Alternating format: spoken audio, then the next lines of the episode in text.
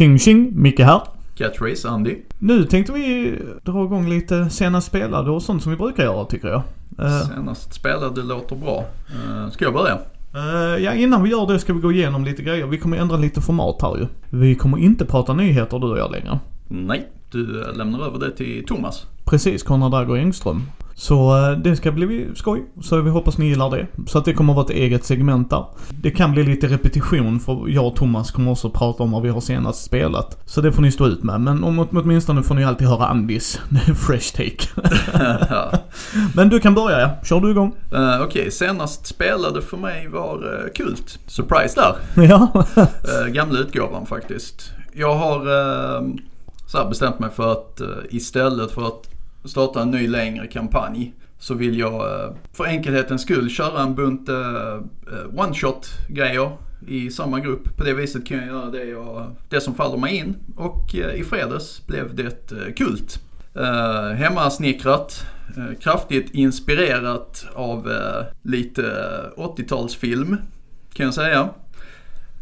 Gruppen, fyra personer, var eh, lägerledare på eh, sommarbyn eh, Kristallsjön uppe i Norrbotten. Och jag behöver kanske inte säga sådär jättemycket mer om settingen där. Till mitt stora förtret så överlevde alla fyra. Ja, härligt, härligt. Jag har ju gjort en stor resa eh, nu i sommar här. Eh, som gör att eh, jag har fått spela lite brädspel. Och jag har fått spela lite rollspel också faktiskt. Eh, så jag tänkte, jag portionerar ut det här så att vi inte tar allt på en gång då. Men eh, jag fick spela Bortom med han som har gjort spelet, Robert Jonsson. Och det roliga där är att ni kommer att få höra det som bonusmaterial till soloäventyr. Och med bortom så menar du hela namnet. Eh, bortom lögnens slöja. Mm. Men han kallar det bortom själv. Så att, det är ett skräckrollspel på svenska. Eh, det kommer också komma en intervju med han, Robert Jonsson. Så tack för det Robert. Eh, men det var väldigt givande och det var väldigt intressant att sitta med, jag ska inte spoila det liksom för att ni kommer kunna få höra det. Men det var väldigt intressant att sitta en spelare och en spelledare. Så det var väldigt, väldigt roligt. Och jag gillar ju skräck som Andy vet också. Eh, Det är väl lite grann vår grej här. Ja, faktiskt. Men vi spelar ju allt. Men om du Absolut. säger skräck och svenskt så kittlar det lite extra i våra magar bara. Oh, spännande. Eh, så det var roligt. Eh, har du någonting du har spelat mer? Uh, ja, uh, jag fick ju presentkort på uh, sci-fi bokhandeln av en er när jag fyllde år. Så jag uh, shoppade loss lite brädspel där. Och de måste ju värmas upp. Så jag har spelat uh, Carcassonne med nybörjare. Och Galaxy Trucker som är ett av mina så här. Jag tycker det är förbannat roligt. Så det har blivit de två också. Uh, Carcassonne är ju det tile-spelet från Rio Grande Games bland annat. Så att det är när man bygger slott och sånt. Och sen Galaxy Trucker är ju real time. Jag skulle vilja kalla det tilebuilder-spel också. Yes, men det är real time. Så att eh, det är väl när nästa näst sista personen säger att de är klara. Då, eh, då har den sista personen bara ett visst antal sekunder väl. Ja, alltså den som först anser sig vara klar flippar, eh, vad heter det, timglaset. Och sen får de andra stressa. Ja. Ja men det är härligt ju. Eh, Jag fick in lite Twilight Imperium. Mm. Eh, Så det var nice. Eh, Det var med Johan och eh, liksom från Speljävlar där. eh, Uppe i Säter. Så det var roligt och där provade vi Twilight Imperium är ju då eh, det stora 4X episka spelet från Fantasy Flight liksom. Så det var jätteskoj faktiskt. Det var riktigt roligt. Det är ett bra spel ju. Så att vad tog det? Sex timmar att spela ungefär. Så det var Mm. lagom. Eh, Så jag fick sköldpaddsrasen som är tekno, tek, teknorasen. Så att jag teknologiserade ut mig och han körde, för vi körde med kidsen som alla hade spelat innan ju. Vad gav vi honom? Jag tror typ något simpelt. Ja, skitsamma. Ja, det är inte så viktigt. Nej, så det, det var skoj. Så att eh, det fick vi till bordet igen. Eh, vi spelade ju det när de bägge var här, David och Johan. Så spelade jag och Fredde med dem och det var också riktigt jäkla skoj att köra Twilight Imperium. Men det här är väl eh, vad vi har kört de senaste Det tycker Ja. jag. två veckorna när du har varit iväg. Yes. Så ja, då tänkte vi vi skulle bubbla lite om resan jag gjorde ju. Yes, två veckors roadtrip genom uh, rollspel-Sverige. Och brädspels-Sverige. Fel av mig. Eh, vi hade ju turen att åka med min pappa. Eh, vi träffas ju inte så ofta eftersom han bor i Spanien ju. Men eh, han har släkt där uppifrån för pappa kommer ifrån Umeå. Så vi började ju resan och tuffa ut mot Örebro. Där träffade jag ju eh, Robert Jonsson från, ja, både Soloäventyrs Actual Play Podcast och eh, eh, rollspelsskaparen av Leviathan och eh, Bortom Lögnens slöja. Eh, och en massa extra lullull till det ju. Och där intervjuade jag honom ju. Eh, vi var ute och käkade lite och sånt också, bara umgicks allmänt. Jävligt trevlig kille. Så shoutout till dig Robert. Slänger ut lite teasers där bara lite snabbt. Vad, vad pratar ni om? Behöver inte gå in på några detaljer. Nej, om eh, processen han gör när han gör spel och det är en bra standard indie-intervju vill jag påstå. Så att det var jätteroligt att få sitta ner med honom. Mm. Och som, eh, som vi sa innan också att jag är med i ett av hans som bonusmaterial. Ja. Eh, vilket blir kanon i hans universum. Så att det var också sån mm, sweet moment. Eh, alltså, Mickes ego behöver inte underblåsas, jag bara säger det. Så sluta med sådana dumheter. Nej, det, det var svinskoj. Och nu fick jag prova systemet, vilket gjorde att jag tänkte, oh, det här ska Andy och jag spela. Ja. Sen så tuffade vi vidare ut till Säter efter det. Mhm. Där är ena halvan av eh, Speljävlar-podcasten där, eh, playan då, Johan. Så det var jätteroligt, så jag fick spela lite brädspel där. Eh, Så det blev lite Twilight, lite Camel Up och Detective Murder in Hongkong eller vad den heter där. Jag vill slå ett slag för Camel Up. Det är faktiskt riktigt kul även om man inte har barn med sig. Eh, Ja, och detta var andra utgåvan. Så jag fick prova den också. Så, Okej. så att den la till lite grejer som jag inte hade spelat med innan. Så att, nej men det var, det var trevligt och playan är alltid rolig att träffa så att. Eh, sen så dagen efter så åkte vi upp och så fick jag träffa min eh, pappas farbror Håkan och Annika och dem. Så det var jättemysigt det också. måste hardcore gamer. Eh, nej. Eh, men det var jätteroligt att träffa dem ändå nu. Eh, sen efter det så åkte vi upp till Umeå. Så lämnade pappa mig där när han åkte sen söderut till Sundsvall och var där i fyra dagar när jag var uppe och hälsade på Måns och Martin, Micke och Rebecca och sen Thomas och Peter som jobbar där på World of Board Games. Så hela gänget i princip. Eh, ja, förutom Frida då. För hon är också en av delägarna och det är Mickes fru. Så då, då fick jag vara där uppe och då spelade vi lite mer brädspel. Eh, sen blev lite mer brädspel och någonstans däremellan kom det faktiskt mer brädspel. Så du menar att du åker upp till World of Board Games och spelar brädspel? ja, jättekonstigt. Och sen, Nej, så, jag förstår inte konceptet där. och sen så intervjuade jag alla som var där. Tyvärr kunde inte Micke hamna på audio men han var också jäkligt trevlig och konsensusen var likadant bland bröderna. Eh, så tack så hemskt mycket Måns och Thomas och alla de som jag fick crasha hos. Och eh, nej, det var en trevlig upplevelse det också. Fick som sagt bra material där med. Där vi pratar med dem om hur det är att driva butik och vad de har för tips. Men samtidigt som vi brukar göra med våra intervjuer, personerna bakom ju. Och allt det här kommer ju i en, eh, i en egen bubblare. Ja, alla intervjuer vi har gjort eh, kommer i egna bubblare. Eh, för det är det jag tycker är bäst. Ja, Eh, och det, absolut. och det tycker du också? Se det här inlägget som en liten trailer. Ja. Eh, sen, nej, sen efter det så, efter jag hade varit där i fyra underbara dagar så var vi tvungna att dra neråt. Och då planerade vi, jag pratade med dem att komma ut på Nordsjön i Skellefteå. Så det ska bli också jätteintressant. Men det är 2020s bekymmer.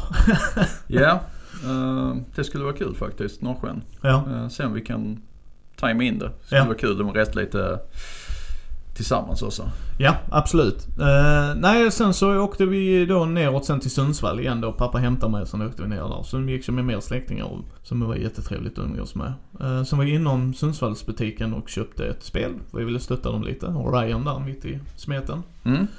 Eh, En kompis som har jobbat där faktiskt under ganska lång tid. Eh, så nej, det var intressant och roligt. Eh, sen så var det ju ner till huvudstaden efter det ju. Eh, och på söndagen då så träffade jag Micke och Gunilla som har gjort då Andys favoritrollspel Kult.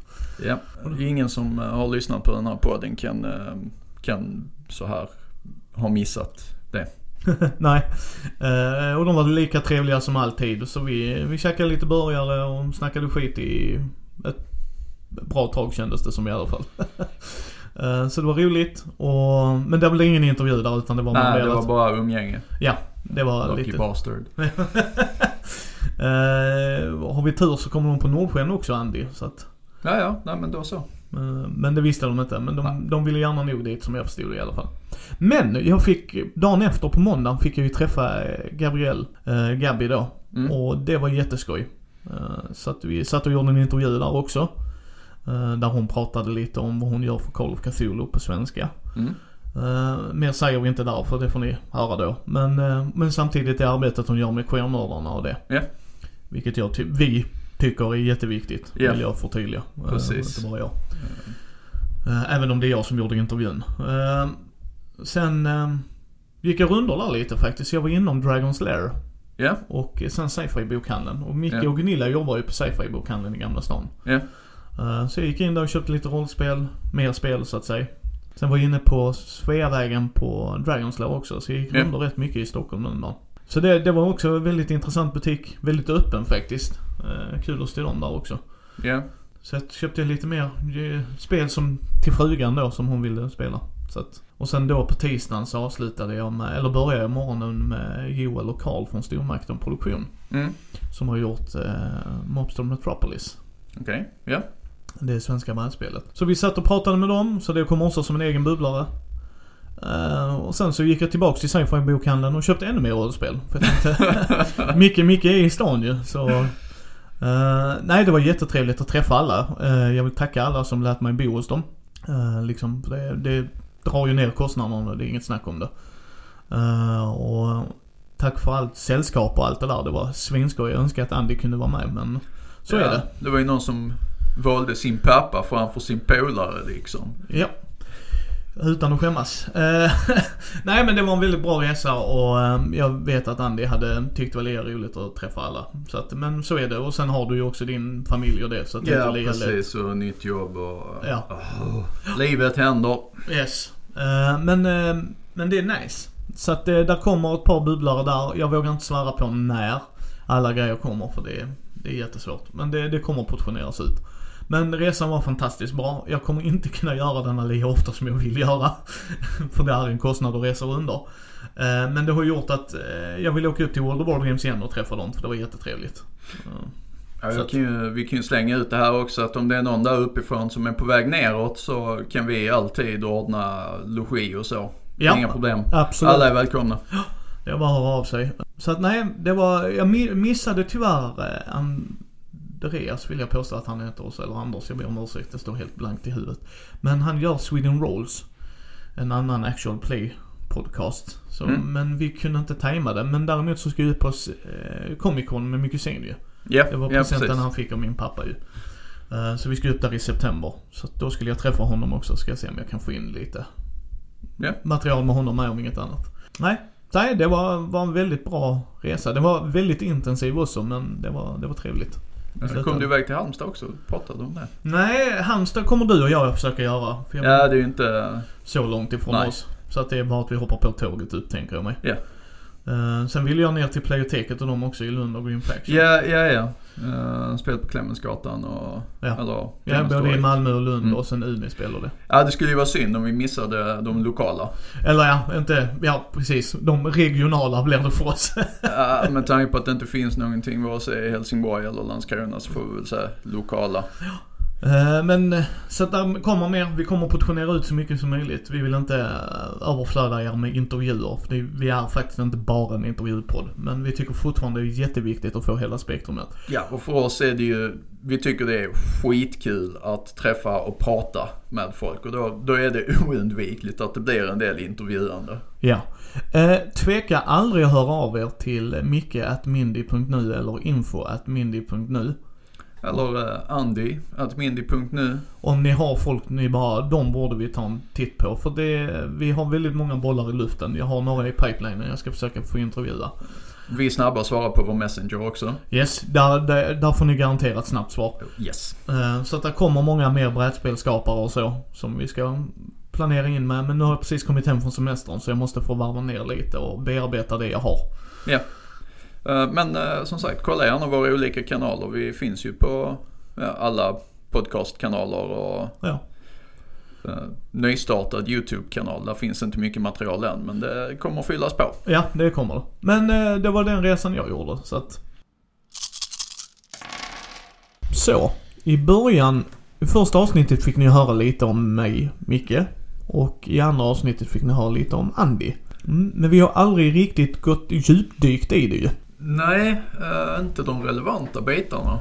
Nej. Och jag tänkte det kan vara faktiskt väldigt bra att göra det liksom. Så du tänkte egentligen kolla på vad som fick in oss i, Ja. i hobbyn. Jag har ju alltid gillat brädspel. Jag har alltid gillat datorspel och sånt också. Eh, Och konsolspel. Jag är ju gamer i grund och botten. Det skulle jag vilja säga. Så när jag växte upp, vi hade ju inga egna brädspel. Min mamma gillar väldigt mycket kortspel, så jag spelar väldigt mycket kortspel också. Hjärtor, plump och sådana grejer. Jag tycker det är jätteroligt än idag. Bra början. Mm. Eh, mycket stickspel kan man säga är de, för de som inte vet det. Men jag kommer ihåg min styvbror Mattias. Han hade eh, nya bondespelet. Det är ingen Det- spel jag skulle gå tillbaks till idag kan jag Ja, säga. det, det gör jag ibland. Jag tycker det är skitkul. Eh, Men det spelet kom jag då in i själva när jag var i, kan jag ha varit 11, 12, 13 någonstans där. Mm. Så kom jag i kontakt med det och jag tyckte det var intressant för den tiden. Eh, sen har jag ju spelat Monopol och tyckte det var kul en gång i tiden också. Nya Finans spelar vi en del med. Mm. Jag var hos en sån eh, stödfamilj. Ja.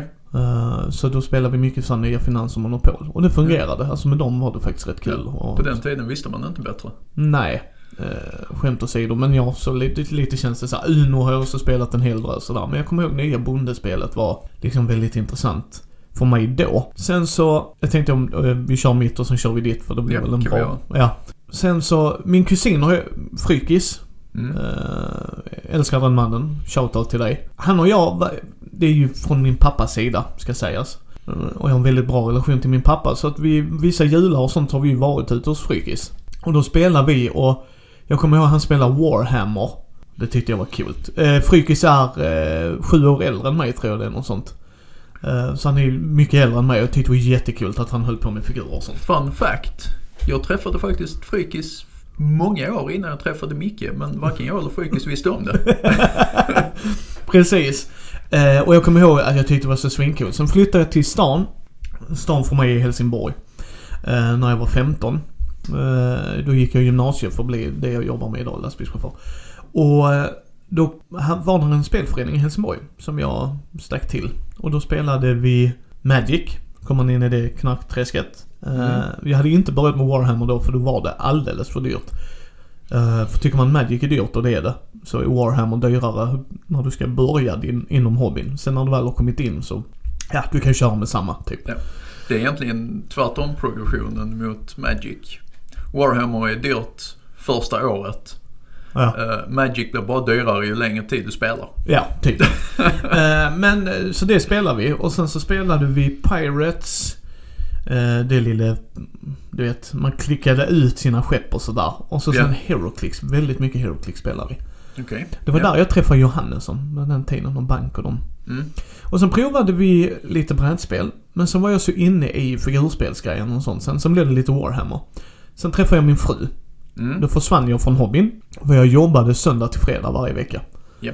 Eh, så, jag, så tiden jag hade hemma var jag med frugan. Sen en dag så... Nej, sen bytte jag jobb så jag fick ett annorlunda schema och sådär. Men sen även, jag kom tillbaks lite lite så här. Och då var det Settlers of Catan faktiskt. Munchkin spelade vi mycket då, kommer jag ihåg. Betrayal at the House on the Hill. Var också ett sånt spel som gick rätt varmt. Hur kom du in i, eh, i rollspelandet? Det, precis. Så det var de brädspelen där. Eh, rollspel, det var Mix, eh, kallas han. Eh, körde en one-off. Jag, jag frågade min kusin mycket. Frykis har spelat en hel del rollspel innan mig också sådär. Så jag var alltid sugen på att prova. Så fick jag prova det. Sen fick jag prova, efter det så blev jag inbjuden att köra Vampire the Masquerade. Så då provade vi det lite. Och sen, ja, och så provade jag spelleda All Flesh Must Be Eaten. Fastnade inte riktigt för det då. Nu i hindsight kan jag veta varför. För jag anser att det är nog mer en one-shot grej. Och fungerar jättebra på det. Men sen kom Magnus och det här var en väldig game changer för mig. Då kom han till mig och så sa han Tja Micke, vill du köra superhjälterollspel? Ja, det kan jag göra, sa jag. Det är med så här, vi kommer att spela i DC och så. Okej, okay. Mutant och Mastermind. Ja, men det kan jag väl prova. Sen tog han med böckerna. Så såg jag, men vänta lite, det är ju DC-böckerna. Ja, ja, ja, ja, det är det. Så jag gick in och köpte böckerna. En vecka senare hade jag skapat en grupp och sen bara på den banan är det. Det var något som bara klickade totalt med mig. Och ehm, det var, eh, tack Magnus. Tack som fasiken för det. En trevlig kille för övrigt. Eh, och pratar och bubblar med. Jättetrevligt. Så jag gillar det Magnus. Men framförallt den. Och sen var det han som introducerade mig till Call of Cthulhu också. Sådär. Sen, sen brädspelsdelen så utvecklades jag till att gilla mer och mer Eurogames. Och det har varit på senare år att jag gillar det mer. Men jag är ju aldrig rädd för att prova nytt och så. Men det var resan. Jag började med de grejerna och så att ett stort, stort tack till Fredrik Fryksäter för att du drog in mig i hobbyn. Utan den här så hade jag inte träffat Andy. Eh, Jag hade inte träffat Fredde och Martin. eh, Som du vet hur mycket jag umgås med och pumpar alla dem. Yes.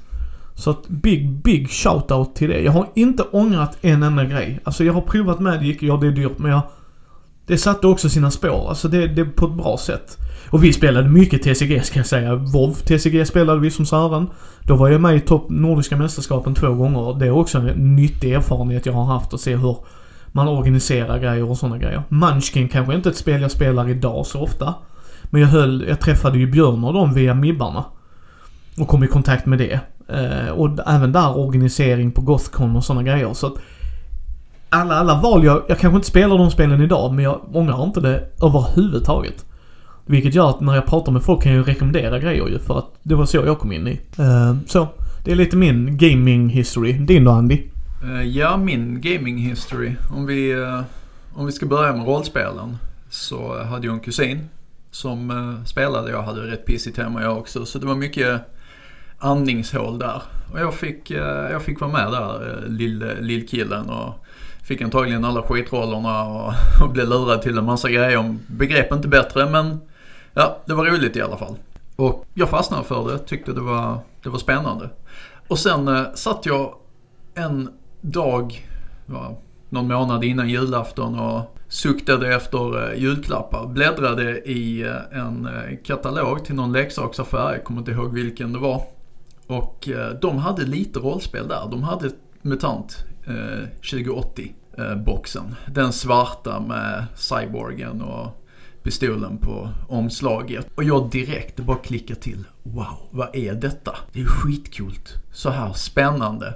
Eh, så, och jag, jag gick och suktade på den länge. Och sen, eh, sen köpte jag den. Läste igenom den och tyckte att wow, det här är mycket, mycket bättre än det jag spelat innan. Och då hade vi kört uh, mycket Drakar och Demoner. Så. Och jag gillar Drakar och Demoner. Jag gillar fantasy, det, det är inte det. Men den här grejen, det var bara wow, vad häftigt. Och sen dröjde det ganska länge innan jag faktiskt spelade det. Med, med en ordentlig grupp så här. Jag satt med brorsan hemma och, och lite så. Men eh, sen på högstadiet så, eh, nu ljuger jag, på mellanstadiet var det. Så träffade jag, diskuterade det här med några klasskamrater. Eh, stort shoutout till eh, er, min första grupp. Micke, Björn, Jonathan och Rickard. Och vi började spela MUTANT. Och där fastnade jag verkligen i rollspelsträsket. Spelade så mycket jag kunde. Sen eh, på högstadiet, eh, strax innan jag fyllde 15, så köpte jag en eh, begagnad kultbox av en kille. Och det är det bästa köpet jag har gjort i mitt liv. Så, nej, nej men det, det, det finns en massa anledningar så här. Personliga saker vi inte behöver gå in på. Ah, det, det, en- var, det var mörk skit liksom i, i mitt liv då. Absolut, men en av de grejerna Kult har lätta är också din underbara familj ju, så att... Ja, vi kommer dit. Sen, eh, sen dess så har jag liksom suttit fast i, eh, i spelträsket på allvar. Rollspel. Jag har, ja, det, det finns inte, jag, jag har spelat väldigt många, många system men, men Kult is eh, number one. Och eh, Kult, Eh, eh, precis som Micke precis var inne på, är ju lite grann anledningen till att jag har, eh, har den familjen jag har idag. Jag träffade min exfru genom spelförening i Klippan, Fata Morgana. Är det någon av gänget därifrån som hör detta så shoutout till er också. Det var en fantastisk tid. Och där träffade jag henne. Första frun, vi gifte oss, fick äldsta grabben. Han är rollspelare idag, 20 år gammal. Träffade min nuvarande fru. Hon är också rollspelare. Så jag, jag har lyckats eh, så här, få hela familjen eh, gamingintresserad. Eh, och jag spelar fortfarande rollspel så mycket jag kan. Gärna skräckrollspelen då, Call of Cthulhu och Kult. Det, det är de som är, som är bäst. Ska vi sen prata brädspel så börjar jag väl på samma ställe som alla andra. Eh, Monopol. En gång i tiden så tyckte man som sagt att det var, att det var bra. eh, risk kom sen som en, eh, som en tidig favorit. Eh, jag var väldigt så här, strategiskt eh, lagd, intresserad, intresserad av krig och, och så. Och då kändes risk som en, som en bra grej. Eh, idag vet man hur fruktansvärt buggat spelet var.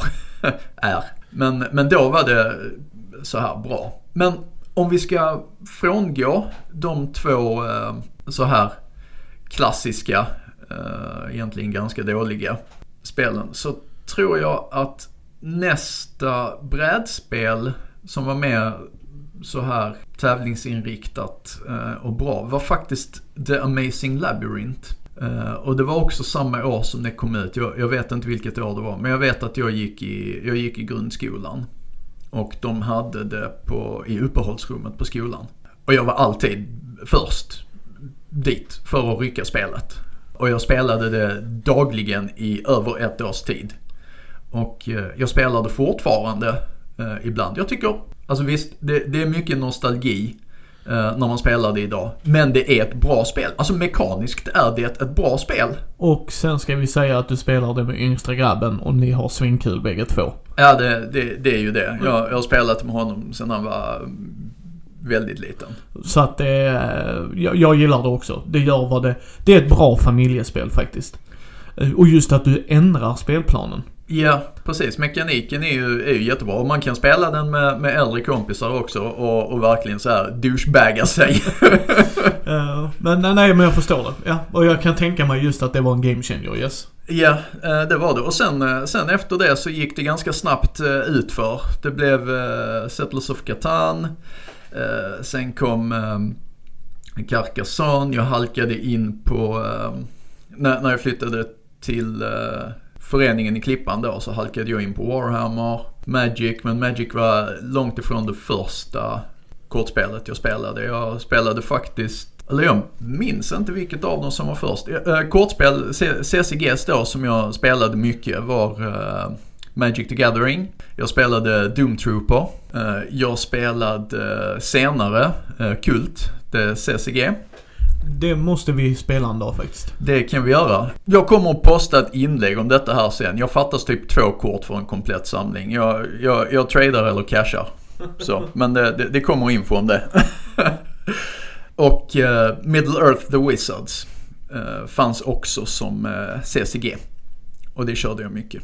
Det, det var väl dem jag avsvor mig eh, Magic för många år sedan för att det blev så sjukt mycket pay to win. Alltså jag är lite samma där. Det blev, alltså det blev dyrt när man såg vad man fick för det. Och jag tror Andy eh, får svara sig själv, men jag hamnade i ett casual mode. Och då är det inte värt det längre.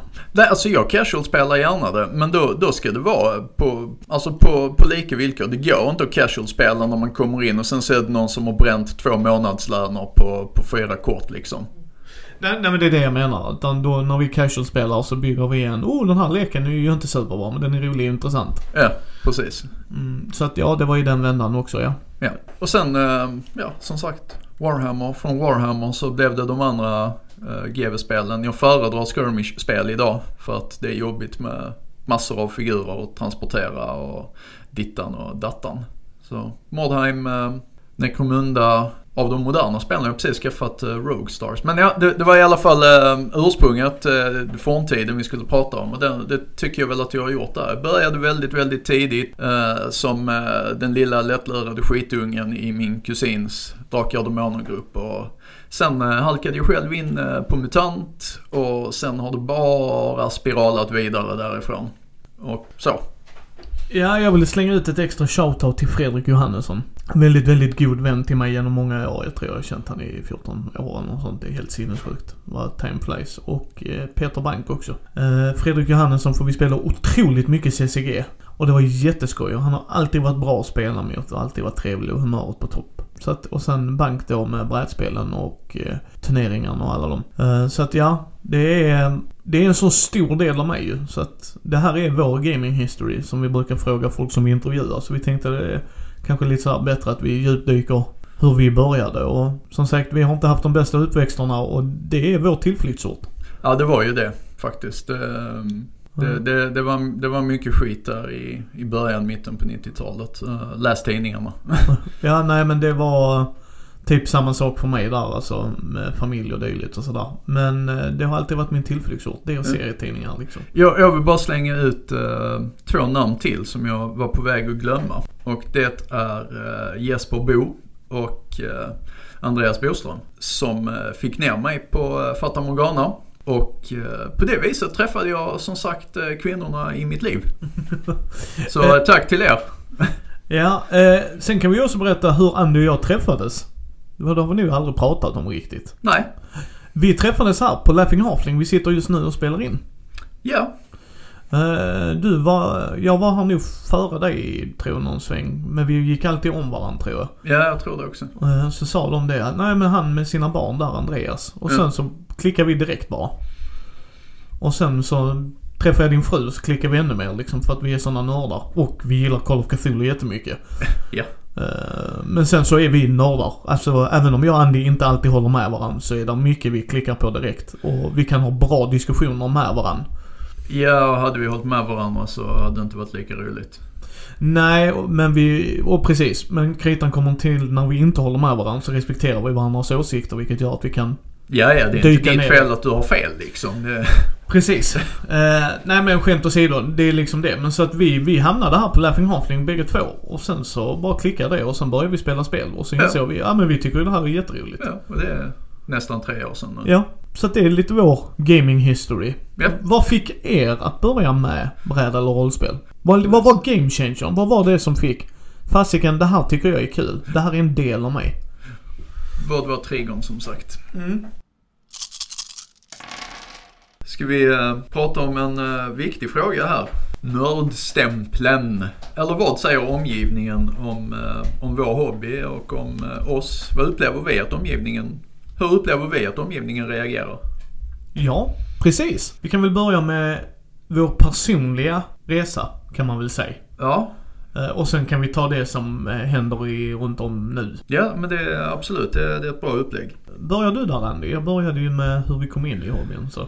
Ja, det, det kan jag göra. Eh, jag har ju hållit på med det här några år längre än dig. Och eh, på den tiden jag började så var eh, rollspel och hela den här grejen fortfarande någonting arka eller okult mystiskt. Folk visste inte riktigt vad det var och höll man på med det så var man konstig och, och nörd och sånt. Så det var, det var ju så omgivningen såg på en på den tiden. Man var ju det, det var outsiders som drogs till hobbyn eh, och eh, man blev per definition en outsider när man höll på med den.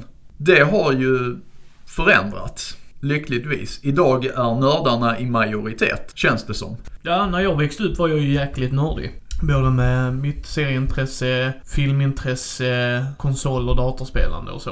Eh, så att det, det var det ju. Och jag var mobbad för att jag var nörd. Ja, det var ju inte ovanligt på den tiden som sagt. Man Nej. var ju outsider. Ja.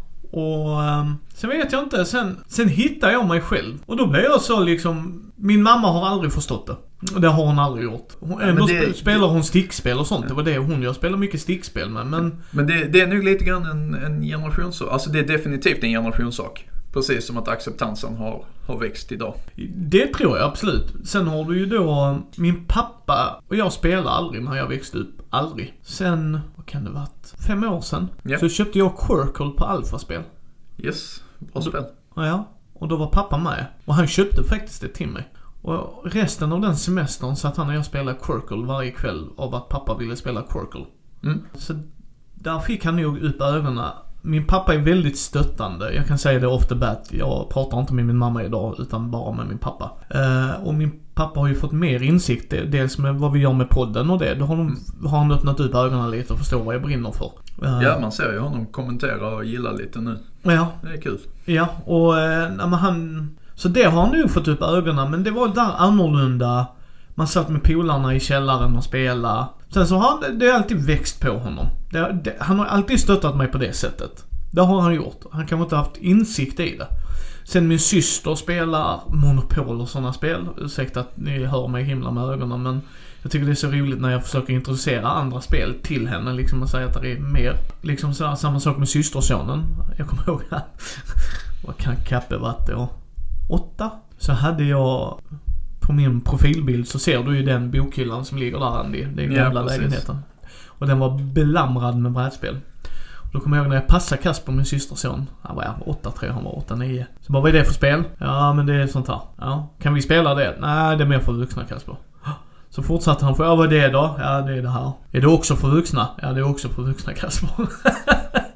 så gick han igenom alla spel han ville hitta något att spela med. Så jag köpte Katana Junior till honom. Och det gillar han jättemycket. Det fastnade han för. Mm. Sen har han ju varit med och spelat när vi har varit, när vi har tagit hand om grabbarna. Ja. Och det gillar han ju. Så han är ju, men han är ju den generationen, om vi ska snacka det ju. Alltså den yngre liksom som, ja men det är ju spel ju. ja. Det är ju bara det, analogt men... Det är okej idag. Men sen min storasyster och min lillebror har aldrig riktigt fattat grejen heller. Syrran använder det fortfarande som en negativ term ibland. Åh, du är så nördig. Och så vänder jag på det. Japp, det är jag. Och skäms inte för det. Brorsan är lia, liadan där, men han, han har också haft så här, han har ju kommit hem till mig efter jobb för att spela Pandemic.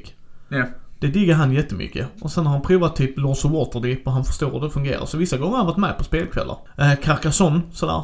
Mm. Men han, han vill ju jävlas med mig. Det är det han vill åt liksom och sådär. Och det funkar väl. Det är ju bara problemet att jag är en bättre spelare än honom eftersom jag spelar mer spel än honom. Ja.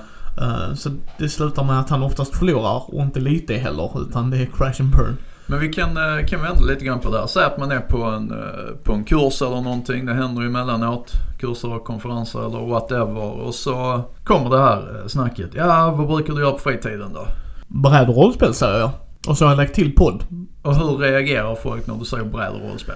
Vad är följdfrågorna? Nu hade jag, det har jag pratat lite om innan också så det kan jag säga nu också. Jag var ju på vidareutbildning inom fackliga arbetet jag gör. Eh, Då pratar jag mycket om det och då var det ju Emily, shoutout till dig, en tjej där.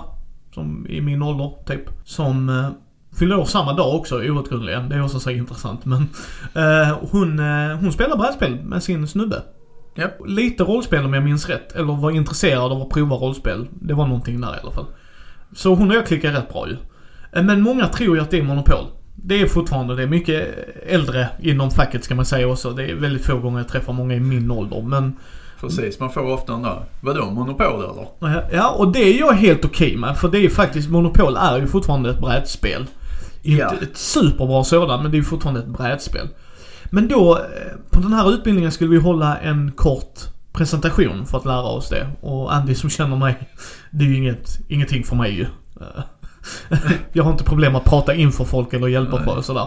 Problemet där kan vara att få Micke att sluta prata inför folk. Ja, no det- offense. Det gäller nog oss bägge för när vi, Ja, det är sant. när vi, när vi kommer igång så kommer vi igång. Men då pratade jag om rollspel. Yes.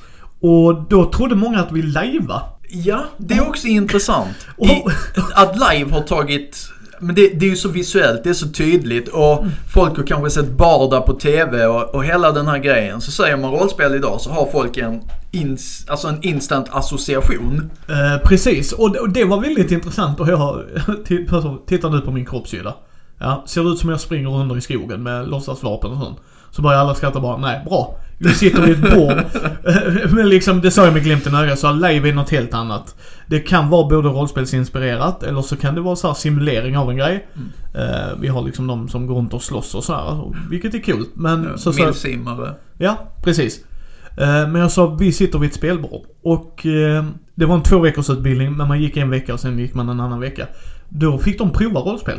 Och då var det faktiskt folk som aldrig hade en aning om vad rollspel var innan. Fem par som satte sig ner och spelade. Mm. Alltså sånt är ju, det är ju helt fantastiskt roligt. Ja, Ja. De kommer nog inte göra om det, men de fick en helt annan inblick i. Så när någon säger rollspel så bara, det vet jag vad det är. Eh, och då körde vi Delta Green, inte din favorit. Men jag tänkte det är ett enklare att komma in i modern. Alltså jag ska göra det så enkelt för dem som möjligt. Så jag valde Ja. Delta Green, det är 100 system, det är procentsats, de kan det. Färdiggjorda karaktärer och allt det där. Och ett enkelskrivet äventyr. In med det liksom, kör lite detektiv och sen en kul episk fight i slutet. Eh, så det blev ju vad det blev va. Men de sa det att det var väldigt... Intressant. Ja, väldigt intressant. Alltså att det var inte så som de hade tänkt sig. Nej. Eh, och, och det är ju stereotypen. Sen så ska jag säga vad som har gjort det mer acceptabelt. Det här är ju också så sjukt intressant. För om vi kollar brädspel. Tyskland är ju det. Ja, det har, det har vi pratat om. Ja. Att eh, det, det är liksom Det är brädspels... Ja men liksom det är ju normalmat för dem. Ja, det är brädspels capital, of the world. Ja men, ja men precis. Typ för att Catan är ju deras svar på Monopol. Ja, Alltså löst sagt liksom. Men alltså om ni förstår vad jag menar lite. Att Mm. Jaha, du spelar Catan är väl typ för dem medan vi Ja. får Spelar du Monopol? N- nej. inte om jag slipper. Inte om jag slipper. Eh, men liksom det, det tycker jag är jätteintressant. Och sen om vi tittar på rollspel och brädspel har ju fått en riktig uppsving. Det. Det, och det, det är just det som är, som är så kul. Att jag har hållit på så pass länge att jag sett den här resan från att man var den konstige outsidern och man, fick hela, man var hela tiden tvungen att försvara vad man gjorde. Eh, och förklara och, och så här. Till idag om någon frågar vad håller du på med? Ah, jag spelar rollspel, brädspel och det är bara ah coolt. Och mer än en, alltså ganska ofta idag, nu vet jag inte om det beror på att man, alltså kaka söker make eller så här, men ganska ofta idag när man säger ah, jag spelar lite rollspel och sånt bara oh vad coolt, det gjorde jag när jag var liten. Bara, Skitkul! Håller, eller shit, gör du fortfarande det? Bara, jag har ald- aldrig slutat, varför ska jag? Nej, Bara, precis. Nej, det är sant. Ah, det hade varit kul att testa igen. Alltså sådana kommentarer kommer oftare och oftare nu för tiden känner jag. Ja, och jag tror det är mycket nostalgi där och det kan man säga vad det kan bero på. Om jag ska killgissa, och det brukar vi göra i den här podden ändå. Stranger Things har gjort en del på senare år också. Att de, det är en del från Ja, den de, amerikanska eh, marknaden ja. åtminstone liksom att Just det, det spelar jag ju när jag var liten. Mm. Jag tyckte det var rätt kul. Jag var tvungen att springa och visa eh, min spelgrupp eh, den boxen. den står i hyllan. Eh, sen har du ju Critical Role ska vi inte ens kasta under stolen med. De har gjort jäkligt mycket. Mm, men här är vi inne på det här också. Om man inte redan är inne i den, söker man nu på att titta på Critical Role då. Jag tror att det är många som har varit nyfikna på det. Som har gjort det och sett hur de spelar. Så att ja. Ja, jag vet, jag vet inte som sagt, så jag... Det tror jag. Jag tror det, men när man ser folk när de blir intervjuade och så, så har de sagt att eh, vissa har spelat innan och fått en revival, andra har varit nyfikna på det. Men eh, rollspel är ju så svårt att förklara när du inte vet. Vi kan ge hintar åt det, som jag brukar säga. Det är så här improvisationsteater. Ja, det, det är just det här. de- Samberättande, alltså sådär. Precis. Eh, när folk frågade förr så sa man bara ja men det är en form av interaktiv teater. Och då dök väl eh, live-grejen upp. Eller nej men det, det är lite grann som, tänk att eh, ni, ni spelar en film liksom så här. Men det är ni, ni, ni är hjältarna så här. Ni bestämmer vad era karaktärer gör. Över då kan man bara göra hur man vill. Bara, ja, inte riktigt. För en av er sitter och liksom är regissören och, och berättar hur världen ser ut. Alltså ni, ni har all, de flesta rollspelare här ute har själv försökt förklara vad rollspel är. Så jag behöver inte gå in på det. Men Ja, och samma sak där med brädspel. Brädspel har ju alltid varit, ja men det spelar man ju bara när man var barn. precis, håller du fortfarande på med det? Ja, och sen så bara... Spelar du fortfarande korpfotboll eller? Nej men liksom och då har det blivit när folk inte... Min pappa gillar inte alltid nya grejer. Och det kan jag förstå. Alltså liksom han, han är vem han är liksom. Men det är det som blir intressant när han ser Quirkle. Ja. Och, och så, ja men det här var skoj. För min pappa är tävlingsinriktad. Han vill gärna ha kompetitivt spel. Och det, det är fint liksom sådär. Medans min brorsa kör lite samarbetsspel. Men ja, de, det är det jag tycker är så himla synd. Nu när jag var i Stockholm till exempel. Eh, så var jag inne på Safeframe eh, bokhandeln liksom där. Micke och Gunilla jobbar då. Så stod jag och snackade med Uffe där, shoutout till dig. Det var jättetrevligt att prata med dig. Får jag bara liksom, har du några tips på det här? För att jag brukar vilja köpa lite så här quirky grejer för att det är Andy och jag diggar det. Mm. Så stod vi och pratade, så visade han en produkt så kom det fram en och jag är så skadad. Han vill prata om Mysterium, brädspelet. Och jag är så skadad så att jag bytte in där och Uffe tyckte det var helt okej. Han bara, ja, ja, du, du kan ju det här mer än mig kanske. Eh, men han gillade sättet jag gjorde det för han frågade, är det här ett spel för mig? Och jag bara, ah, det beror på vad gillar du för spel och så. Men det var jätteintressant att stå med en sån, jag vet inte hur mycket han spelar brädspel, men jag fick känslan av att de gjorde det nog som en familjeaktivitet. Ja. Ja, nej, men jag, jag tycker att det är ganska intressant också för att man kan stå som kund i en, i en spelbutik nu. Eh, och mer än en gång så kommer det in någon, någon halvvilsen mormor eh, så här och, och ser sig omkring och, och ställer frågan, är det här som bara... Och så måste stackars butiksbiträdet eh, eh, då eh, förklara. Nej, och de flesta är duktiga nog att ställa vad gillar ni för typ av spel? Eh, och då blir det jättesvårt om mormor bara har spelat Monopol. Men Ja. de, de flesta brukar lyckas ändå och plocka fram ett, eh, ett lättare Eurogame och, och förklarar och så. Och oftare än inte så går mormor därifrån med, eh, med något av de här lättare rekommendationerna.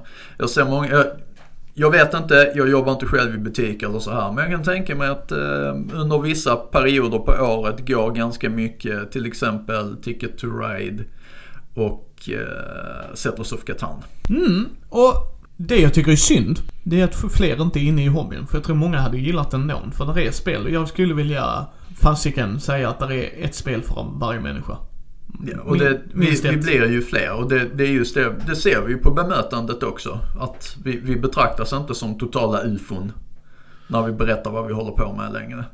Nej, och sen är vi ju, man ska komma ihåg en grej. Jag och Andy är väldigt skadade människor för att vi är så bekväma i oss själva. Så vill ingen prata brädspel med oss så går han och jag i hörnet och står och pratar brädspel ändå. För att vi är så trotsiga vi är. Uh, nej men skämt åsido. Nej men alltså för att vi vet ju vad vi vill. Och skulle någon fråga mig, för jag har mött människor som Nej, nej, det pratar inte jag på. Det är ju skämmigt ju. Och jag bara, eh, nej. Det är det inte. Det finns inte, du kommer aldrig få mig att bli utskämd liksom. Nu spelar han rollspel. Ja, jag har faktiskt träffat mina bästaste vänner inom den här hobbyn. Och vet du vad? Vi har svinskoj. Så då går jag därifrån. Alltså, eh, sen har jag träffat folk som, det är inte för dem. Alltså att de tycker inte det är kul, utan de vill titta på en fotbollsmatch istället. Och det säger jag, då får ni göra det ju. Ja. Det här är vår fotbollsgrej liksom. Alltså det är det här vi brinner för. Uh, och det är därför vi gör den här podden, för vi vill få in folk mer in i hobbyn. Och det är därför vi alltid kommer kunna ge tips och tricks och både inom rollspel eller spel vi spelar och jag, sådär. Jag funderar lite grann på varför hobbyn har växt på det viset som den har också. Uh, jag kan ju säga att det var ingen av den äldre generationen så här, och med äldre generationen så menar jag folket mellan mig och mina föräldrar. Eh, som eh, överhuvudtaget höll på med detta där jag växte upp. Utan det, det var ju en amerikansk grej där, de tidiga eh, Gygax och, och så som fick in, fick in folk. Men här i Sverige så var vi sena på det upplever jag. Medan idag så våra kids vet ju vad vi håller på med. Alla min, alltså jag, jag har tre barn. Eh, alla tre tycker om att spela spel. Två av dem är, är riktigt så här rollspel, rollspel, rollspel. Matrim håller förresten på och efter, att han spelade Chock uppe på Gotcon med eh, dig och Björn och... Eller ja, Johan och um, Martin och Mattias tror jag det var. Ja. Så, så har han varit, eh, varit helt. Han sitter och skriver på, på både det ena och det andra nu och ska spelleda. Ja, kul att se honom. Han ska ja. verkligen kämpa på med det. Ja. Och det, det är just det här att den, ni som växer upp idag vet inte hur bra ni har det. Nej men jag stod i samma butik. Så som sagt, jag är jätteskadad. För när jag ser folk gå och fumlar lite så frågar jag dem. För jag vill gärna hjälpa till. Och det handlar liksom inte om att jag kollar så mycket bättre jag kan. Utan det handlar om, kom in i den här underbara hobbyn. Och då var det ett gäng som hade spelat lite rollspel sen innan men som ville spela Dungeons and Dragons. Så frågade de mig, vad rekommenderar du då? Så sa jag, nej men starterboxen. Det är ett bra äventyr 1-5. Uh, ni har färdiga karaktärer där i. Äventyret är bra och lätt skrivet. Och så, så säger jag det med situationstecken så kan ni höra på det här. Hardcore gamers gillar det också. Det är ett bra äventyr. Alltså universellt yeah. inom hobbyn. Yeah. Och Andy och jag har pratat om det innan också liksom. Även folk som har frågat oss direkt. Liksom vad rekommenderar ni? Nej men alltså startboxen. Vi ska göra en video på det också av den anledningen. Alltså just för att det är en billig peng att komma in och prova hobbyn. Och, och då sa jag till dem som jag säger till alla. Kom nu ihåg att är inte DND grejen för er så finns det en uppsjö av andra grejer. Så bara för att systemet inte klickar eller världen inte klickar, ge inte upp det. Utan nu har ni bara fått prova, gillar ni en viss del och så här. Och det märkte man att många bara, ja just det. Alltså bara liksom, man får inte glömma den biten. Det är samma sak när jag rekommenderar ett spel, ett brädspel. Det stannar inte här. Alltså gillar ni inte den mekaniken, kom in då. Ta nästa. Ta nästa, precis. För det är ju Andy, även om jag och Andy har tusentals timmar ska ni veta i det här, för att så nördiga är vi. Så kommer det fortfarande komma till en punkt där Andy och jag bara oh, det här gillar inte vi alls. Och då, Nej, vi har haft ett par. Ja, och då handlar det inte om att det är dåligt mekaniskt spel utan det är bara oh, det här klickar inte med mig alls. Och det är ju det som gör att acceptansen har ju blivit bättre. Det tycker jag. Ja, ja alltså utbudet har ju ökat väldigt, väldigt mycket. Vilket betyder att det idag finns eh, saker för en bredare publik, bredare smak när jag eh, höll på så var det antingen var det väldigt, väldigt tungt. Alltså vi pratar GMT-spelen. Eh, så här, vi satt och spelade eh, Civilization, Britannia och, och liknande. Och det, det, det är inga lätta spel som man plockar fram för en spelkväll med, med familjen. Eller så spelade man typ Settlers of Catan, det fanns, inte, det, det, fanns inte ett så jättestort utbud som det finns idag. Idag kan vem som helst, som du sa innan Micke, hitta någonting som passar dem. Ja, ja, ja, jag vill påstå det. För du har krigsspel för de som gillar det. Du har tågspel för de som gillar den tunga eh, ekonomibiten med aktiehandling och allt det där. Sen har du liksom tematiska spel. Det bara dryper av det liksom. Att oh, jag vill bara köra samarbetsspel. Jag menar när jag började komma in i hobbyn igen. Då var det Pandemic. Ja. Ghost Stories kanske. Alltså så här, det var inte så många. Nu har du en uppsjö av det. Och jag skulle fortfarande rekommendera Pandemic. För det håller. Ja, Från ja. nybörjare liksom. Men, och, och säger de då att nej men vi har provat det. Bra, här är tio andra jag kan rekommendera. Kanske inte tio, men liksom ändå fler. Mm. Och det gör ju utbudet har kommit ut och det är fler som spelar. Ja. Eh, det är fler tjejer i hobbyn, vilket är fantastiskt skoj. Jag. Eh, vilket är jätteroligt för att det är en hobby för alla. Och det har också gjort att, Eh, tror jag, att eh, acceptansen har, har ökat lite grann. För att eh, jag kan ju säga att tidigare så har det varit sjukt sunkig kultur i många föreningar. Jag minns, alltså jag, jag minns, det var på den tiden så var man ung och kanske lite dum och, och hade inte så mycket, alltså man hade inte så mycket koll på världen och, och liksom spelade med i det. Ingenting att skäms över. Det, det var liksom så det var. Men den kulturen har vänt, åtminstone i de större och bättre föreningarna. Sen finns det ju föreningar och föreningar som egentligen bara är ett litet kompisgäng och som sitter och kör sin jargong, jargong och så här. Men då, då kan det kvitta för då är det deras interna bullshit. Eh, och på grund av att eh, hobbyn har blivit bättre på det så tror jag också att, eh, att fler spelar och ju fler som spelar ju mer normaliserar vi vad vi håller på med. Ja, och sen inte nog med det. Om vi kollar dd biten om vi ska ta den. Där Ja. är ju många inom, som har kommit ut mer nu och pratat. Stephen Colbert till exempel spelade ju med Matthew Mercer. Ja, Och man såg ju på honom att han satt och njöt. Alltså det var, Ja. se den för övrigt, det är på eh, YouTube. Alltså jag kan inte rekommendera den nog. Alltså när man ser Stephen Colbert, han uh, talkshow-hosten. ja, Och han har ju pratat om innan det med Joe Manganiello.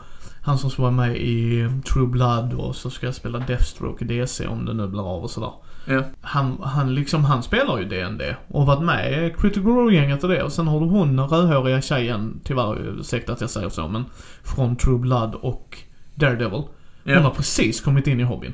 ja, Och eh, sådär. Och det är ju det jag tycker är jätteroligt när, när folk kommer fram och bara Har du talat om Dungeons and Dragons? Så småler man inombords bara Ja, det, det har jag. Men det gör inget för när folk kommer så och frågar mig så blir jag bara glad. För det menas att det når ut. Och Mm. vi ska ju säga det att de är inte så jätteduktiga på att lägga ut exakta siffror. Men DND är ju det som, Dungeons and Dragons då, är ju det som säljer mest. Ja. Och det säljer ju mest med en hästlängd, alltså vi säger alltså otroligt mycket till tvåan. Ja inte- vi gick ju igenom eh, Ja. topseller-listorna. Ja men precis, men vi har inga exakta siffror för det är inte Nej. de så noga med. Men liksom, eller noga, vi- har inte det. Eh, sen är tvåan, tror jag, antingen Call of Cthulhu eller Pathfinder. Men de är tvåan långt ifrån ettan. Alltså Mm. det, vad de, de sagt, 43 miljoner människor hade kommit i kontakt med DND under, det var någon sån artikel de hade gett ut. Eh, och där har de ju sett 20% ökning av kvinnor. Ja, Och det är rätt bra. det, det är fantastiskt.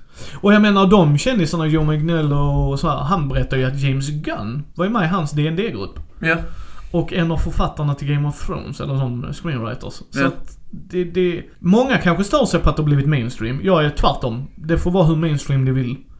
För det menas alltså att... vad, vad, vadå mainstream? Alltså ja, ja, åh nej det är inte min lilla egna hemliga Ja, men jag subkultur längre. Och jag vill inte det. Det- Cry, cry, cry. Nej men för jag tycker det är bara fantastiskt. För ju mer som öppnar ögonen, vilket gör att då blir det mer acceptans. Eh, föräldrar som lär ut sina barn DND så att de har sina egna grupper. Ska man vara rent krass också, ju fler personer som spelar det, ju mer produkter säljs, ju mer pengar drar företaget in, ju mer pengar har de att investera i nya och bättre produkter. Så eh, Ju lättare är det att få lokal till spelgruppen när kommuner och det vet vad vi håller på med och inser att det är inte Precis. det gamla dravlet. Eller att föräldrar som inser, vänta lite, så mina barn spelar rollspel. Eller figurspel, eller brädspel, eller kortspel. eller för den delen MMOs och dataspel. Absolut, men om man är så orolig för den digitala biten, den analoga biten, är också bra. Ja, Eh, sen så är Andy och jag i den generationen att barn umgås fortfarande bara, även om de sitter vid datorn. Men det är en diskussion i sig. Men vad jag bara menar är att ju mer mainstream det blir, ju bättre blir det för oss. ja, för din, din nischade lilla hörna kommer inte försvinna ändå. För att om de spelar Dungeons and Dragons, så gör inte det någonting för att då vet folk vad Dungeons and Dragons är. Spelar 10 miljarder människor, nu finns det inte så, men liksom 10 miljoner människor skulle spela Ticket to Ride. Skulle inte göra mig ett jota att det är det de vet. För då förstår de, oj, det finns annat. Och då kommer de leta vidare. Det är så jag tänker. För jag vill vara fler i hobbyn. Jag vill att vi ska vara fler i hobbyn. Sen att jag spelar med mina fem kompisar gör ju inte mig något.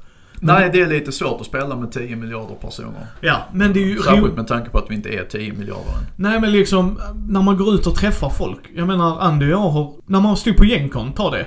Ja, Och i den här hobbyn ska vi komma ihåg att vi är så olika inom vad vi jobbar med.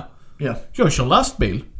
Johannesson är ju utbildad ekonom, jobbar som lärare. ja. Men han har ju gått till högskola för det liksom och sådär. Sen han möter man en annan som är busschaufför eller någon som kör taxi eller någon som gör industriarbete som du gör, alltså sådär. Ja.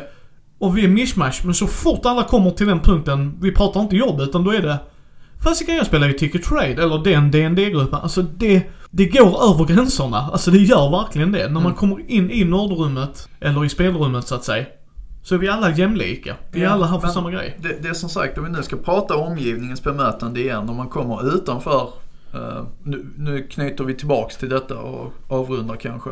Kommer man, även om man kommer utanför eh, kretsen som vet någonting, så idag har folk, antagligen på grund av ökad exponering, eh, folk idag har ju växt upp med att de hade klasskamrater som spelade, var lite udda och sånt här och, och så. Så att det, det har hänt fruktansvärt mycket. Idag är det, upplever jag, blir man inte stämplad som konstig för att man spelar på samma sätt. Du, du är inte automatiskt en outsider.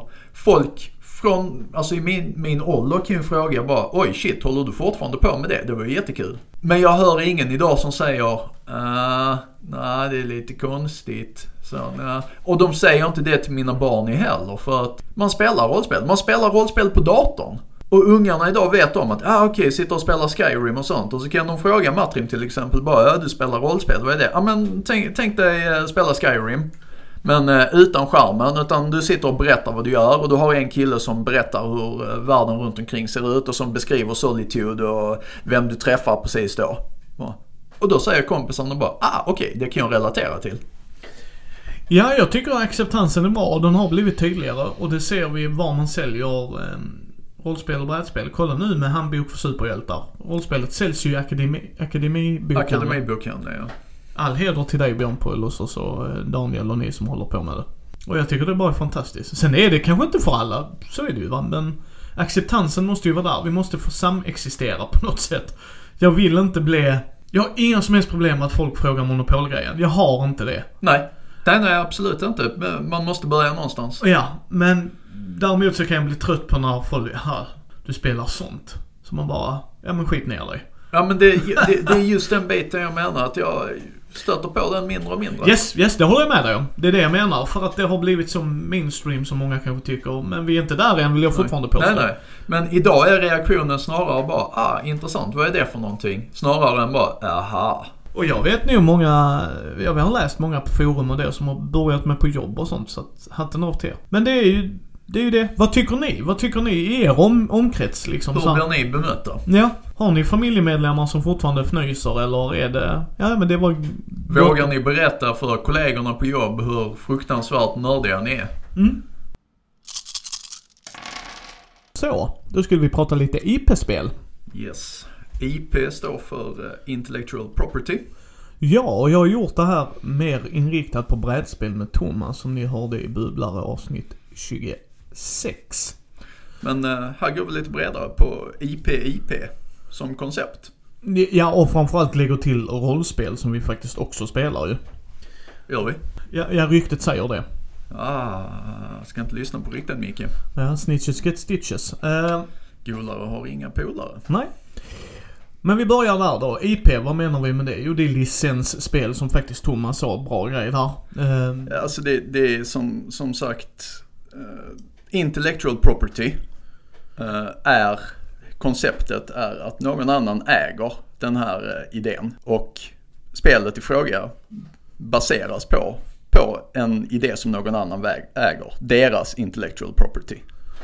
Ja, och man har ju blivit bränd mer än en gång och Vi kan ju säga, när vi pratar IP-spel här, så precis som Thomas och jag, vi gillar ju inte Monopol. Vi gillar inte Cluedo. Så det är inte de IP-spelen vi pratar om ju. Uh, nej, och det är inte riktigt den definitionen jag vill ha av IP-spel uh, när vi pratar just nu. Utan min tanke är att vi pratar mer om uh, spel som är tagna direkt ur någon annans värld. Säg ett brädspel baserat på Batman baseras ju på tillverkarens tolkning av Batman.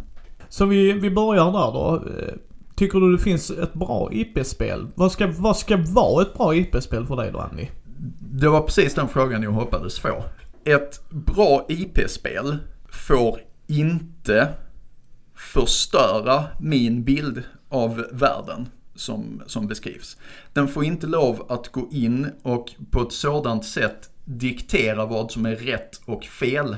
Att eh, det förstör det jag har byggt upp för mig själv. Det är jätteviktigt. Så ett bra spel eh, ger en, eh, en lös beskrivning som följer kanon, men som inte tvingar in, som inte, inte berättar att så här är det eller så här är det. Eh, annat än den kanon som redan finns. Eh, till exempel, eh, säg din eh, favorithjälte här, Batman ett, säg ett rollspel på Batman som helt plötsligt går in och bara skriver om totalt eh, vem eh, Joker är. Ja, vi har ju haft de här diskussionerna, jag och din exfru. Eh, just om Batman. Och jag ska säga det att eh, vi brukar inte prata mycket om vår uppväxt. Det finns ju en anledning för det. Vi pratar mycket bräd och rollspel ju. Ja. Men vi har ju inte haft så bra uppväxter, varken du eller jag.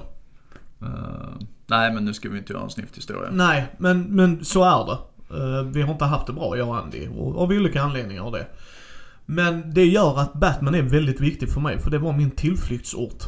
Det var där jag inte levde i min misär. Eh, så är det ju. Och, ja, och... Och då blir jag känslig mot det. Alltså helt ärligt, jag blir det. Och jag säger det till folk att det är där jag kan bli riktigt arg. Jag vill ha min Batman på ett sätt. Och det är inte alltid lätt.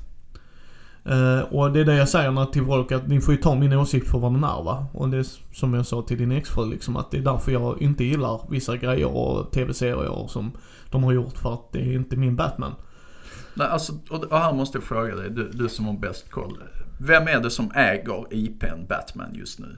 Det är ju DC. Det är fortfarande DC. DC Comics äger ju den. Alltså Bob Kane har ju gjort Batman med en annan snubbe som tyvärr helt slipper my mind för. Jag fick bara för mig att de var uppköpta av något uh, annat. Men det är Marvel vi pratar då eller? Ja, Disney äger ju Marvel. Yes. Mm, men DC Comics är ju DC Comics. De är inte uppköpta mig veterligen i alla fall. Nej, men, uh, ja, men det, det är bara så. så det, det, det, var bara för mig liksom. Sorry mm. lyssnare. Uh, nej men uh, jag är lite där med, så här. Man kan göra vissa ändringar för att mekaniskt sett passa det. Det kan jag köpa på ett sätt. Men hjärtat av spelet, själen av spelet, ska ju vara andenämningen för vad produkten symboliserar tycker jag. För mig blir det konstigt om vi tar Andy och jag är stora Call of Cthulhu-fantaster. Både H.P. Lovecraft, Mythos och hela tjo ding Och för oss hade det blivit jättekonstigt om de skulle gjort det med anime-style. Alltså du kan göra det. Ja, alltså jag har ju ett problem med till exempel Delta Green. Mm, till exempel, där Men har vi... jag personligen har det för att det, det är inte Lovecraft för mig. Nej, men jag diggar det som Sören. Eh, men, men liksom, och det är det, and, andehämtningen med spelet. Och det är det vi kommer fram till liksom att även om, nu ska jag inte kranka ner på det, men vi ska ta det anime eller manga-aspekten. Det är ju inte H.P. Lovecraft för mig, så jag hade jättesvårt att se det i den kontexten. Det menas inte att de inte gör det bra eller sådär, men det är ju en sån grej som bara, äh, för min del. Mm. Vissa spel lyckas bättre och det. Men eh, om vi börjar med brädspel. Ja. Eh, spelet som fick mig att inse att det kunde vara bra IP-spel var ju Battlestar Galactica och Fantasy Flight. Fantastiskt spel. Jag, jag kan bara hålla med där Micke. Det blir, det, blir, det blir tyvärr inte mycket mothugg här. Nej, det är ju ett bra spel om alla kan spelet. Det har jag sagt innan. Och då blir det fantastiskt bra. Och folk är beredda på att det faktiskt är ett backstabbing-spel. Ja. Eh, är man inte beredd på det och inte kan spelet så tyvärr faller det lite platt. Men det är inte på grund av... Alltså det, det är lite som när man spelar schack. Är den andra tio gånger bättre så blir inte det roligt. Eh, det, blir ungefär samma här för mig då. Eh, men det, det förändrade, för det är ju en sjukt bra tv-serie.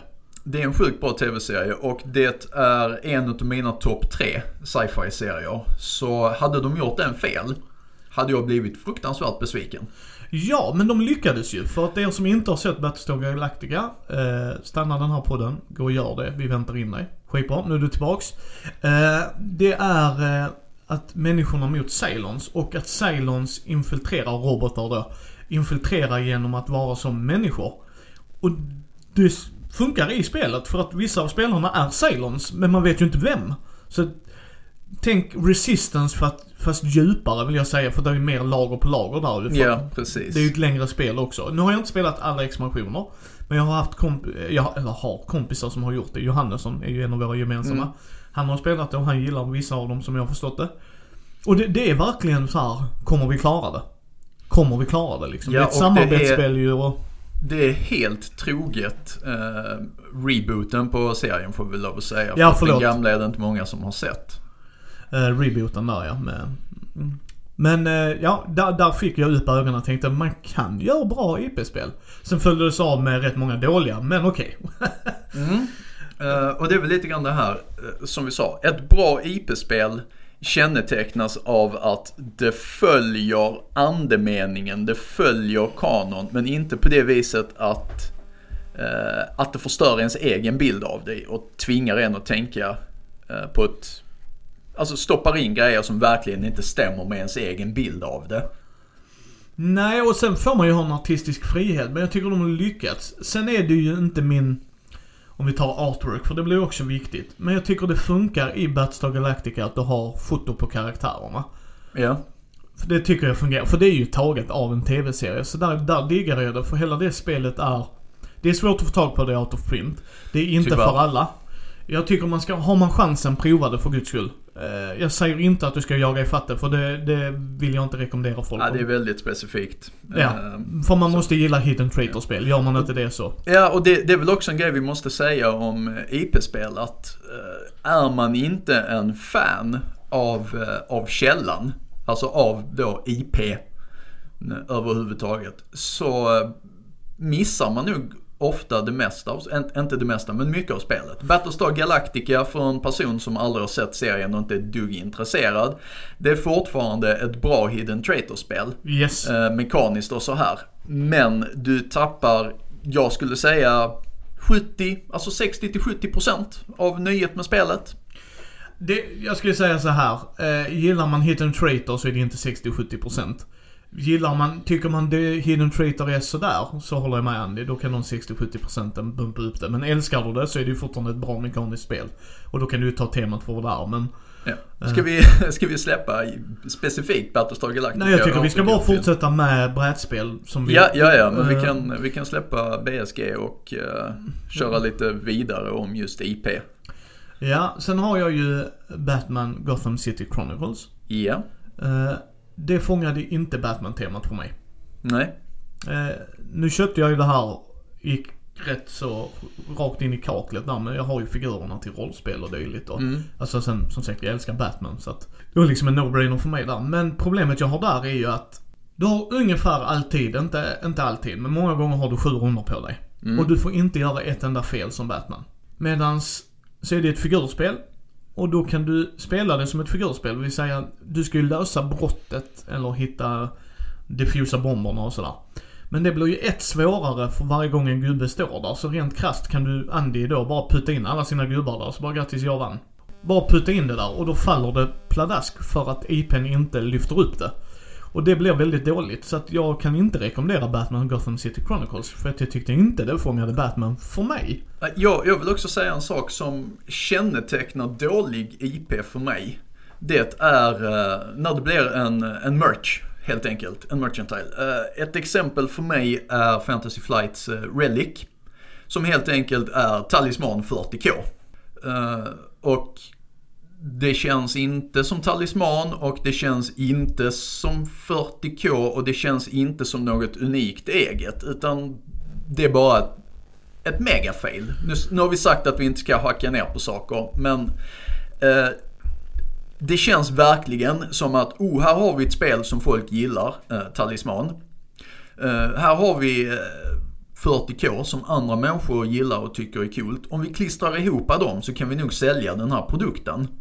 Och så blir alla glada. Det symboliserar ett dåligt IP-spel. Det, det, är när det bara blir eh, en, en merchantile och inte någonting eh, bra, nytt, unikt, eh, skapande. Så du menar Batman Talisman är inte groundbreaking? Jag förstår inte. Finns det en sån? Ja. Vem tror du kommer köpa den när den släpps i Sverige? Är det, är det någon som uh, säljer en eldkastare? Please. Nej, det är Batman så den ska in i min skamshörna ändå.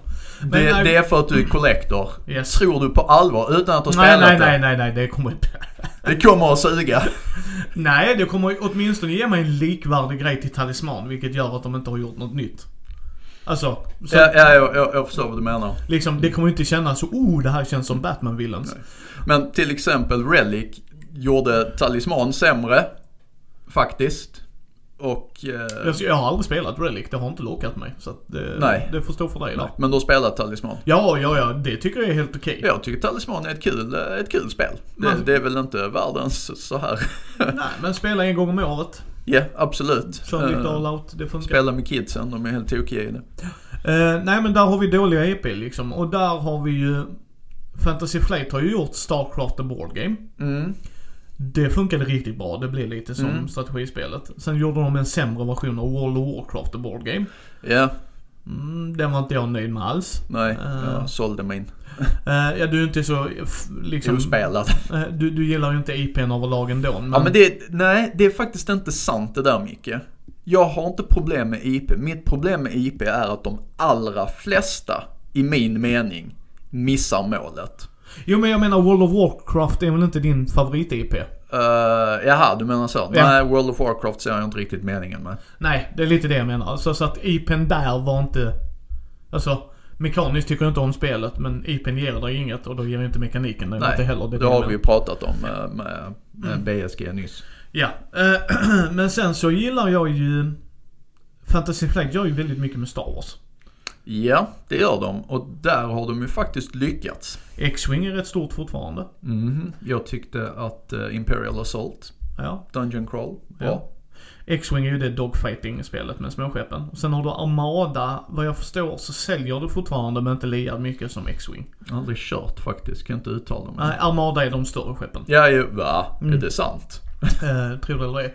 Sen har de ju ett väldigt bra tvåspelarspel. Eh, Rebellion. Ja. Där en spelar Imperiet och de andra eh, rebellerna. Mm. Eh, väldigt bra gömspel faktiskt. Jag är inte ett stort Star Wars-fan. Uh, jag, jag, gillar Star Wars, det är okej okay, liksom. Men jag är inte såhär, oh, måste ha allt.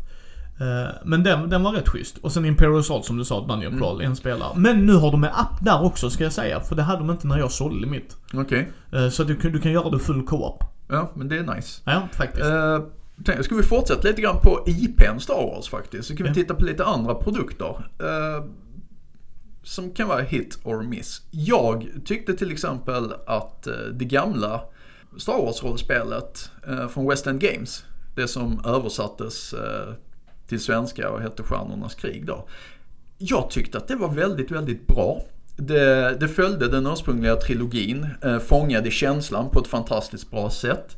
Mekaniken var gjord för totala nybörjare, så att även om du aldrig hade spelat rollspel tidigare så kunde du plocka upp de reglerna och komma in i det på bara ett par timmar. I min mening ett, eh, ett, ett lyckat eh, IP-konvertering. Eh, så får man inte lov att låta när man pratar i radio eller poddar. Men jag har lite svårt att uttrycka det. det. Var bra helt enkelt. De lyckades få den här IPn och göra den tillgänglig. De gick inte in och sabbade kanon som fanns. De eh, gjorde inte eh, om, skrev inte om vad som hände med dödsstjärnan eller så här. Utan de höll full möjlighet att eh, skapa sina egna historier i Star Wars-universat. Ja, du och Daniel Leto från sagospelet Äventyr eller så. Han sa ju det i intervjun vi gjorde då i avsnitt två. Att det var uh, hans favorit också. Och jag har sparkat på det innan, jag sparkar på det igen. Jag vill prova det. Jag, okay. jag har ju spelat Fantasy Flights version dock. Mm. Eh, med de jättekonstiga tärningarna och force-grejen så att man kunde ändra lite sådär. Mekaniskt sett så ska det väl vara storydrivet, men det lägger ju mer ansvar på spelledaren. Alltså för mig blev det väldigt intressant system. Jag, jag ska gå jag, jag kan säga varken bu eller bä. Jag tyckte det var jätteintressant men det var mycket upp till spelledaren. Så att mekaniskt sett så vet jag inte liksom. De, de ger dig en massa konstiga D12 med massa olika symboler. Okej? Okay? Rulla dem. Ska vi se hur mycket du lyckas med. Du kan använda lite force point då för att hjälpa dig att uppgradera en tärning och dylikt. Men då ger du det till spelledaren och då blir det lite så här, Men det behöver inte vara vi och dem. Nej. liksom. Eh, det var inte dåligt, alltså jag förstår varför det säljer. Rent storymässigt så kanske det funkar. Men mm. jag tyckte inte det var mycket att hänga i julgranen för mig själv. Men då är vi nog där igen. Nu är vi inne på IPn är inte det som puttar över mig. Nej, utan det är mekaniken där. Mm. Nej men för liksom, jag är inte ett stort sån Du tar DC Adventures. Ja. Jag är ju DC fanboy deluxe ju. Ja. Uh, och det har vi till och med gjort på YouTube-kanalen där. Uh, Mindys första intryck. Gå gärna in och kika där så kan du få se vad jag tycker och tänker om själva systemet. Uh, ja, och där, där, kan vi prata source-materialen där. Det är fantastisk. Precis. Är det någonting där som egentligen går emot uh, kanon? Nej, för, för Nej. Green Ronin, förlaget som har gjort det, de gör också uh, Game of Thrones Role Playing Game. Inte, mm. alltså Song of Fire and Ice, inte yeah. HBO-tv-serien. Nej. Uh, ska tilläggas. Uh, och de gör ju såhär IP-spel och så här.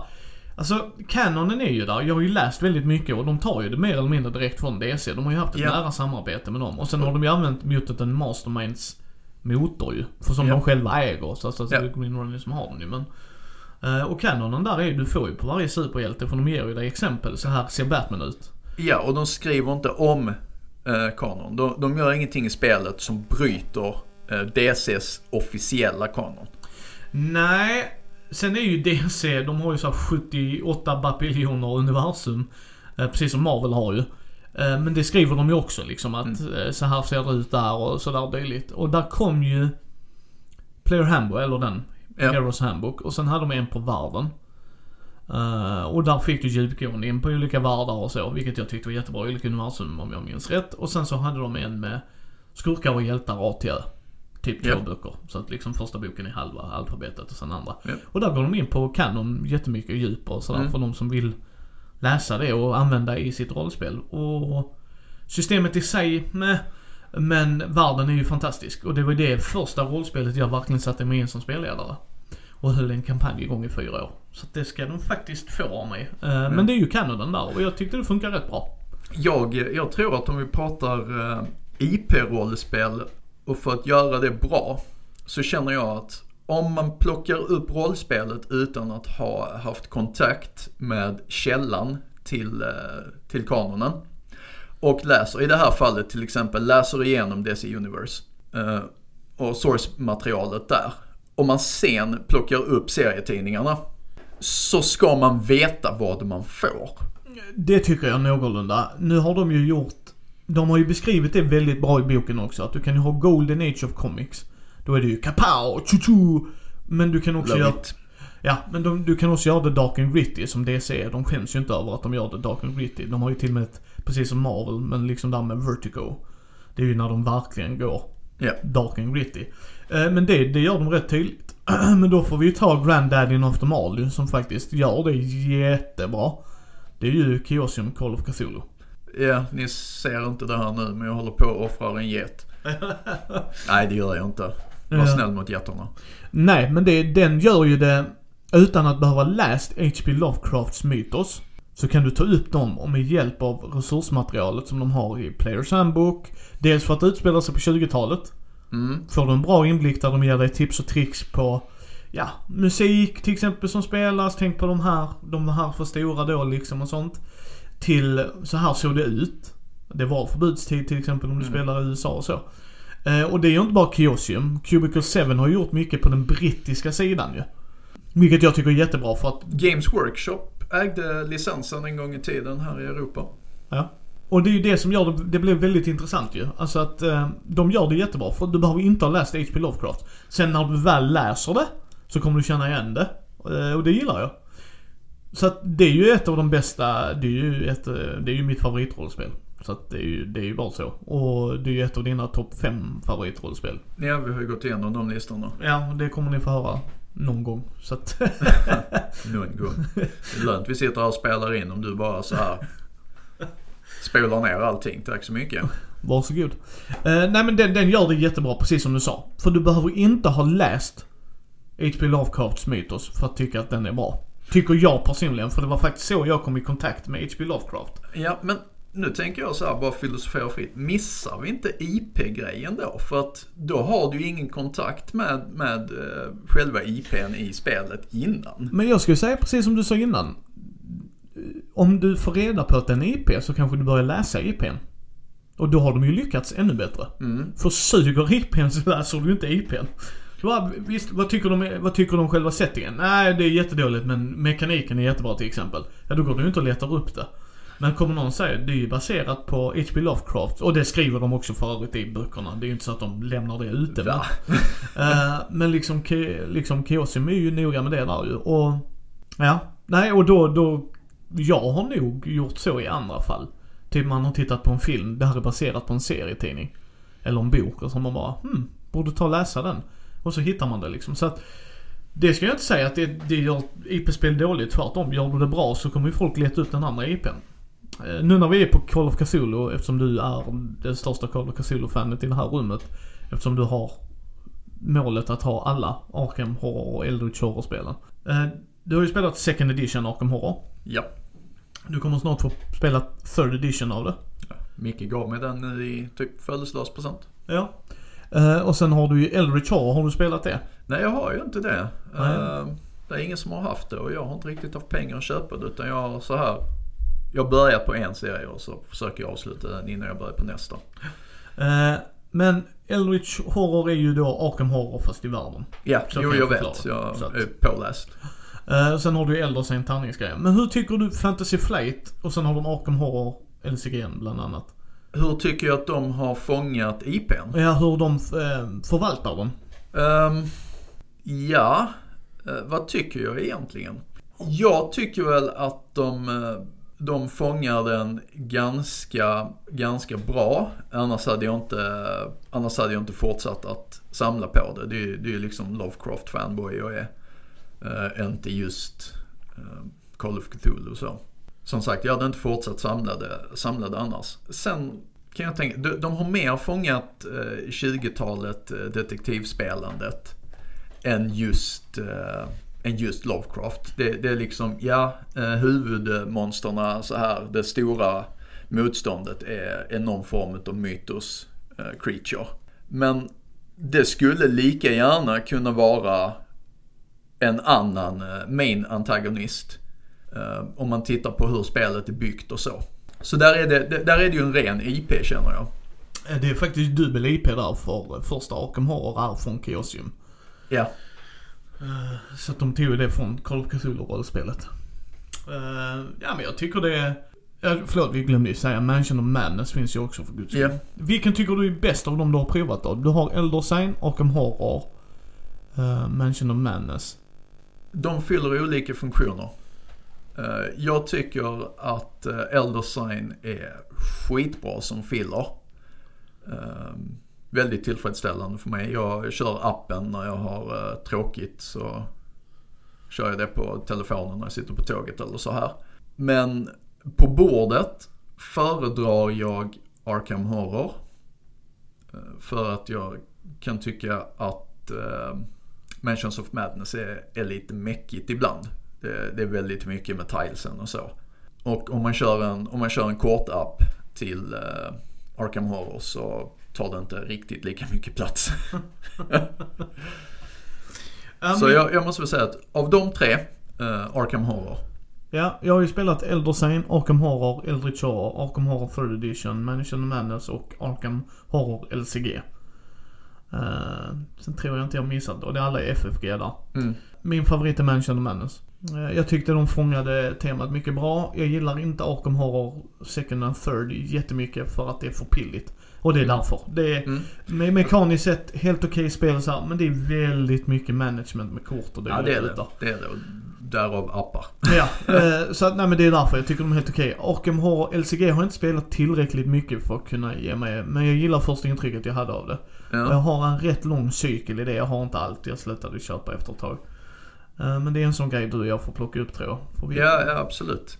Eh, Jag måste ju säga det här också att de här tre spelen är ju helt olika de jag pratar om nu. Mansions of Madness som du föredrar är ju ett, det, det, det är lite grann ett Dungeon Crawl. Det är väldigt mycket mer storydrivet, alltså det är storydrivet eh, helt och hållet vill jag säga.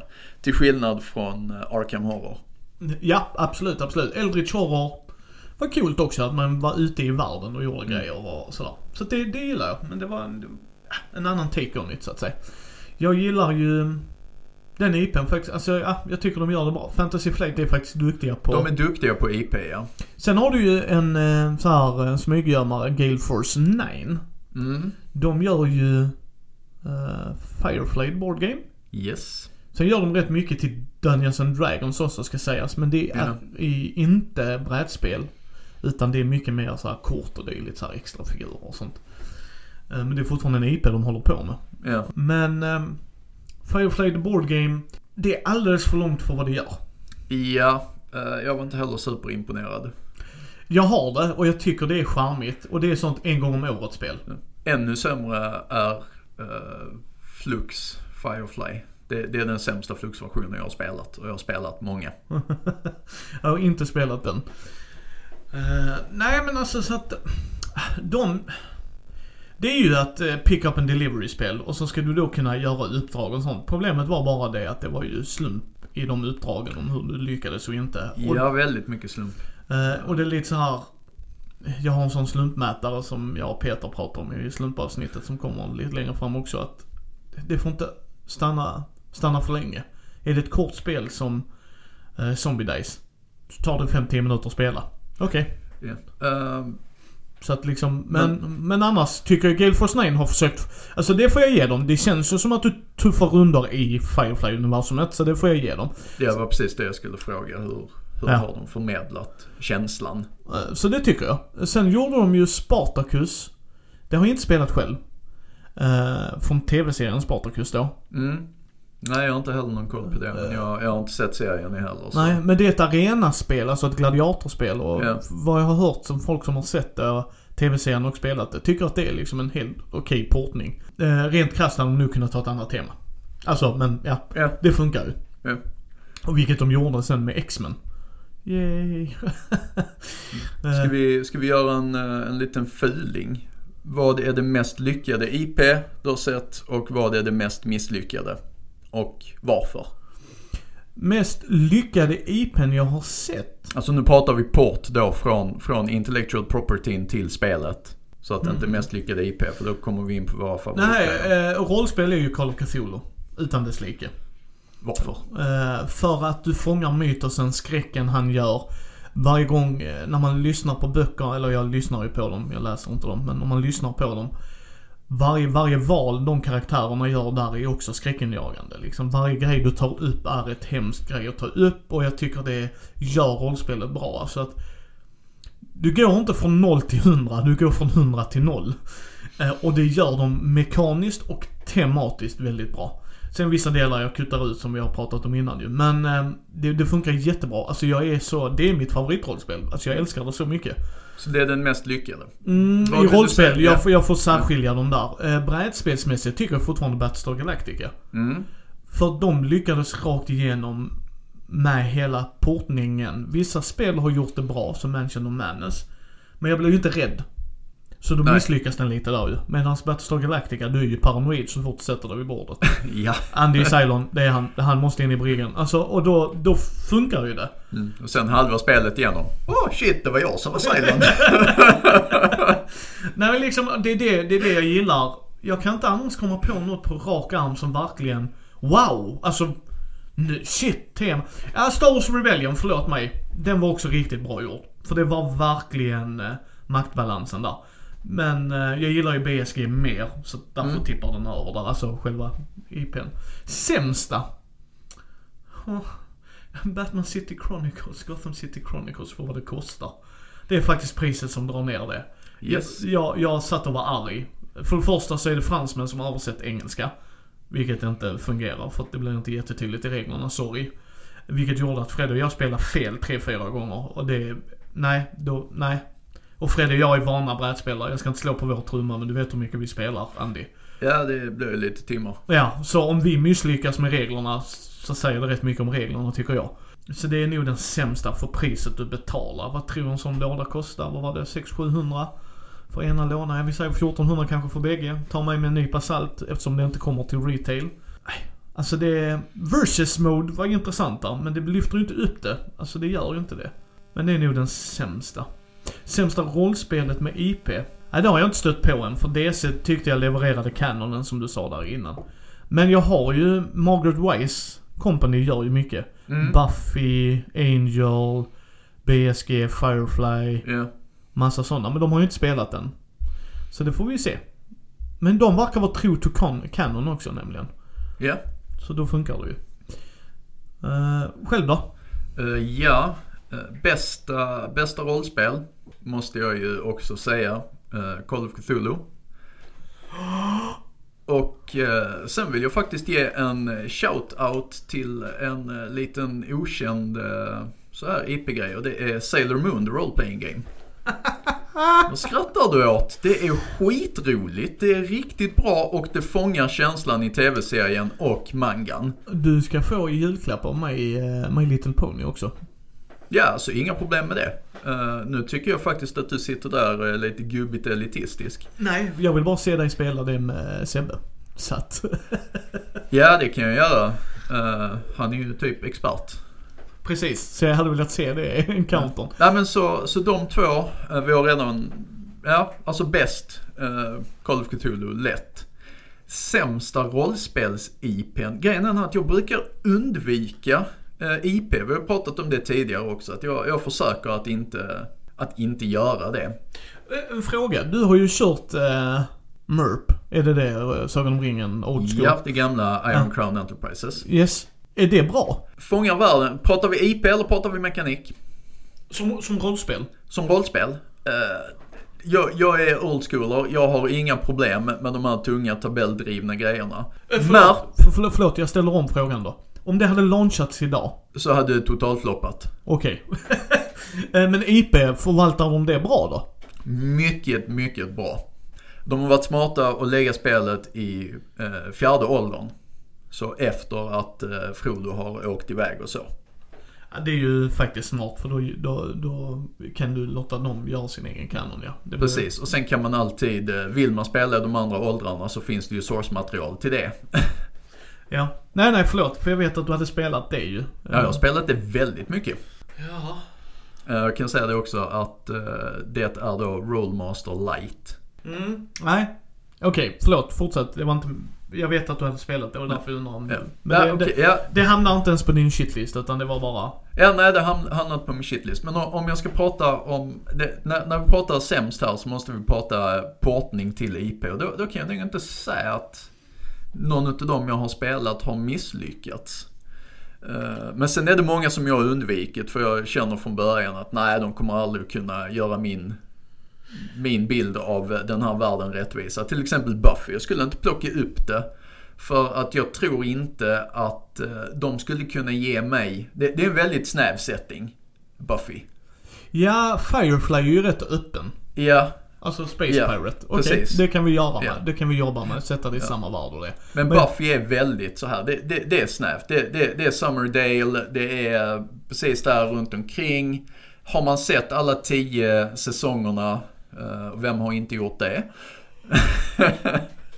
ja, Micke gälls inte. Vem har inte gjort det? Eh, så, så vet man om, alltså kanonen är väldigt låst.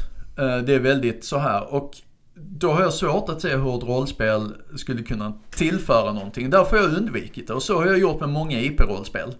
Sen är ju Andy och jag skadade. Vi kollar ju upp väldigt mycket. Och kollar vad folk skriver. Och, Ja. och Andy hittar ju någon som, åh han är också Die Hard-fan. Ja. Så läser man, läser man och de bara, nej köp inte det. Okej. Ja. Av den anledningen som Andy sa. Men Ja, okej, precis. brädspel då? Brädspel. Eh, mest lyckade där. Eh, BSG eller eh, Imperial Assault. Ja, ja. För, att, för att fånga känslan i, eh, i IPn. Ja, i Imperial Assault är det ju kniven mot strupen, det håller jag med dig om. Det är ju verkligen kniven mot strupen som rebell. Ehm, ja. Ja, nej, nej men det kan jag förstå. Så nu har det- jag inte kört med appen, jag skulle vilja köra det med Men jag har inte heller kört mappen. Jag skulle vilja se hur det blir. Ja. Ehm, Jag har bara blivit så här totalt överkörd och spelledare hela tiden. Jag är säker på att han fuskade. Nej men det problemet det lider av är att det är ett figurspel. Och vill du vinna det så kan du vinna det stenhårt. Eh, som spelledaren. För du kan maxa något så in i helskotta. Men Jo, spelar du det som ett vet. dri- storydrivet spel. Ja. Och gör så här vinnande och tagande, försöker balansera ut det. Då blir det väldigt roligt. Ja, och jag utgår ifrån att det är det man gör. För att då, då fångar man verkligen känslan av, eh, av filmerna. Men, men jag tänkte fråga dig, du har ju Doctor Who. Ja. QQ7 har ju gjort ett sånt rollspel. Jag har Ja. alla pdf-er.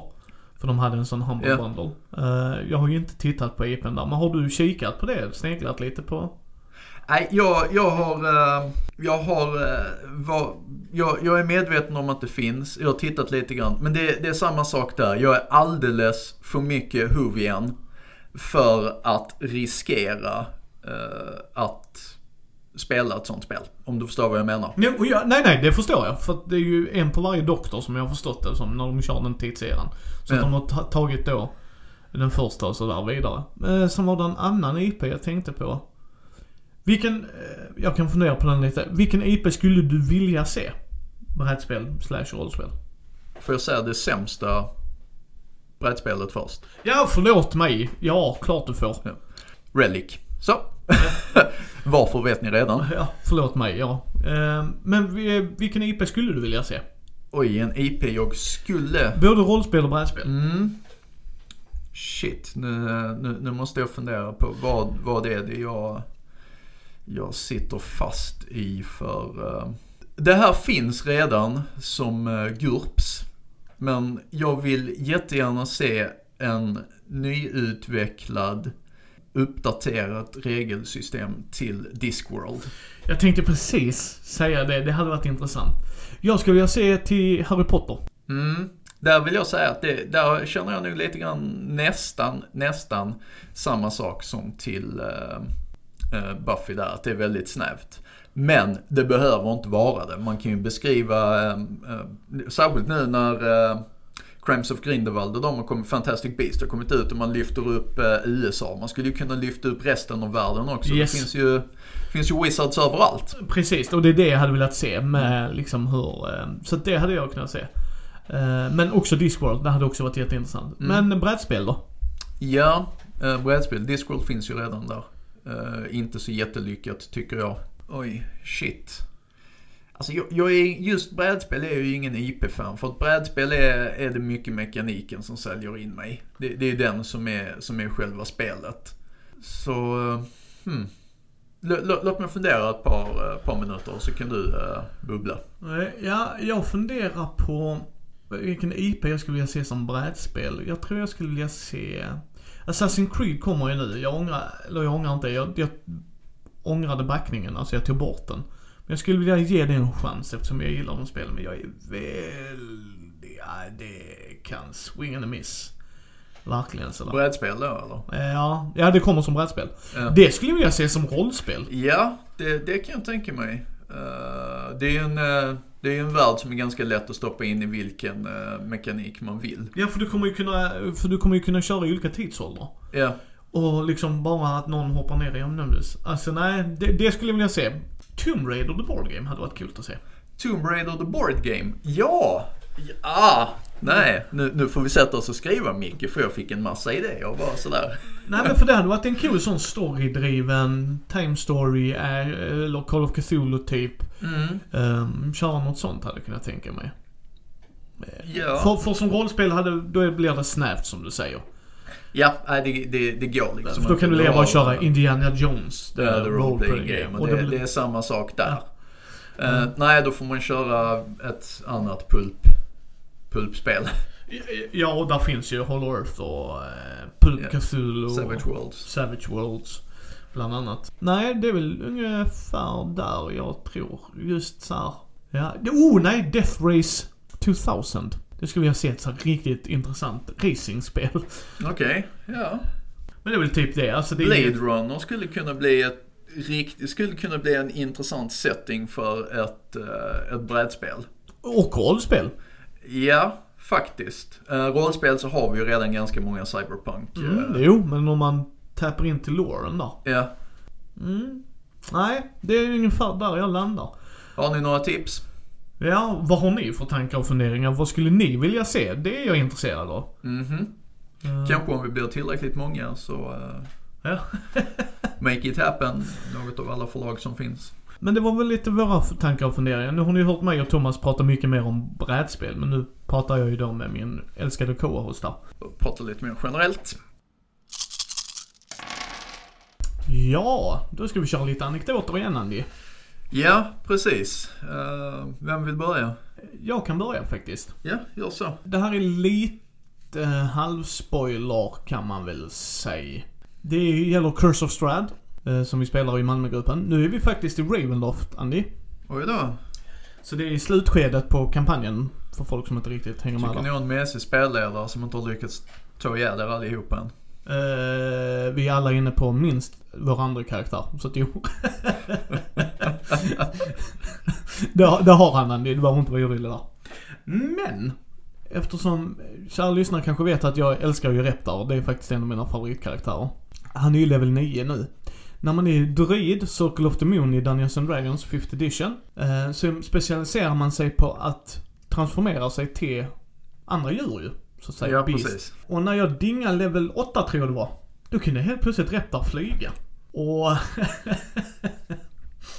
det är så sjukt roligt att se vår spelledare när han... eh, Om vi säger så. När han inser att det är lika långt ner som det är upp. Eh, nej, när Nej. han inser... Det är mycket lättare att flyga runt och lite ovanför än att smyga. För Ja. när mobsen går där nere och är lite halvdimwitted, jag ska inte spoila för mycket så sett. Men typ vi var på ett ställe där vi skulle möta en av bossarna. Som Ja. mellanboss. Jag vill inte, som sagt jag ska hålla det så spoilerfritt jag kan. Så, ja ni måste ju gå över till den här lilla ön. Och jag bara, vadå gå över? Pung, jag blev jätteörn. Sen flög jag över. Jaha, tänker spelledaren. Hur ska jag nu små, små, göra det små intressant då? Så han, vilken ordning plockar du över dem? Nej, jag tar vår sniper. Han kan skjuta rätt så långt och han är duktig på det. Jag tar honom först. Jaha, varför det? Nej, för jag tänker han kan ju hålla mig min rygg fri ju. Jaha, okej då. Vem tar du sen? Äh, sen tar jag clericen. Varför? Jag vill att min sniper överlever ju. Jaha, vem tar... Och så har jag då Pumpas karaktär, Ogrok, som är fantastisk. Men han är ju barbar, så att... Mm. Åh nej, några slår på mig. Sen kommer min örnpolare och hämtar upp mig. Okidoki! ja, så tar jag över dem och så de bara, ja men vi behöver ta oss runt den här skogen liksom så här, där vi måste smyga bak där och... Ja, det kan ni inte göra sådär. Kan inte jag flyga över dem? Ja, just det, det kan ni göra. I, I vilken ordning? Samma som innan, jag börjar med snipern. Jaha. och så kommer vi till Ravenloft, och jag ska inte spoila mycket där heller, men där är ett torn. Som jag bara, fly, jag lyfte hela gruppen dit bara. Och då ser man spelledare. Okej då. Ja, jag har haft sådana spelare också och sen, eh, sen insåg jag att vänta nu här, om de bypassar två tredjedelar av, eh, av scenariot så är det ju lika tråkigt för dem som det är för mig. Eh, nej, alltså han gör det med glimten i ögat. Ja, ja, ja, absolut. Liksom- Eh, det gjorde jag när jag, när jag stoppade mina spelare från sådana dumheter också. Nej, han stoppar inte oss. Utan han bara följer med strömmen. För vi kommer ju backtracka ändå, för vi vill uppleva det. Ja, Eh, det är ju bara det, alltså han gör, Urban ska du ha eh, shoutout till för att han gör det jätteintressant. Och det roliga där var att i en av de striderna, alltså of Stride handlar om vampyrer. Dö. Sådär. Och när vi blir anfallna av lite vampyrer så har vi en grej som gör att de är rädda för solljus ju. Så vi Ja. har en sån sak. Och då börjar de fly. Så då plockade jag ut min cleric som håller i den grejen, så jag följde efter dem. Det var så, så här roligt att se spela. De klättrar över muren och springer ner. Ja, vi flyger efter. Ja, just det. det var fortfarande intressant och roligt, men liksom det tänkte inte han på bara, aha, för nu flyr de. Okej, då flyttar vi väl med den här grejen de är rädda för. och, nej, nej, det är så roligt att spela den druiden. Så vi ska spela igen snart faktiskt, så att äh, det ser jag fram emot. Det var jätteroligt. Men det är mina anekdoter, hur eh, man kan lösa intressanta grejer när man flyger helt plötsligt. mm, ja man kan det och sen så kan man som spelledare inse att vänta nu här, mina mobs har ju perception. Ja, det har de. Och de har bågar. Ja, det har de. Bring it. Ja, nej. Eh, Jag önskar faktiskt eh, någon dag så får jag gästspela hos eh, Urban tycker jag. Jag har hört mycket gott om honom. Ska vi ta, ta en av mina då? Ja. Ja, jag tänkte ta från eh, ett live.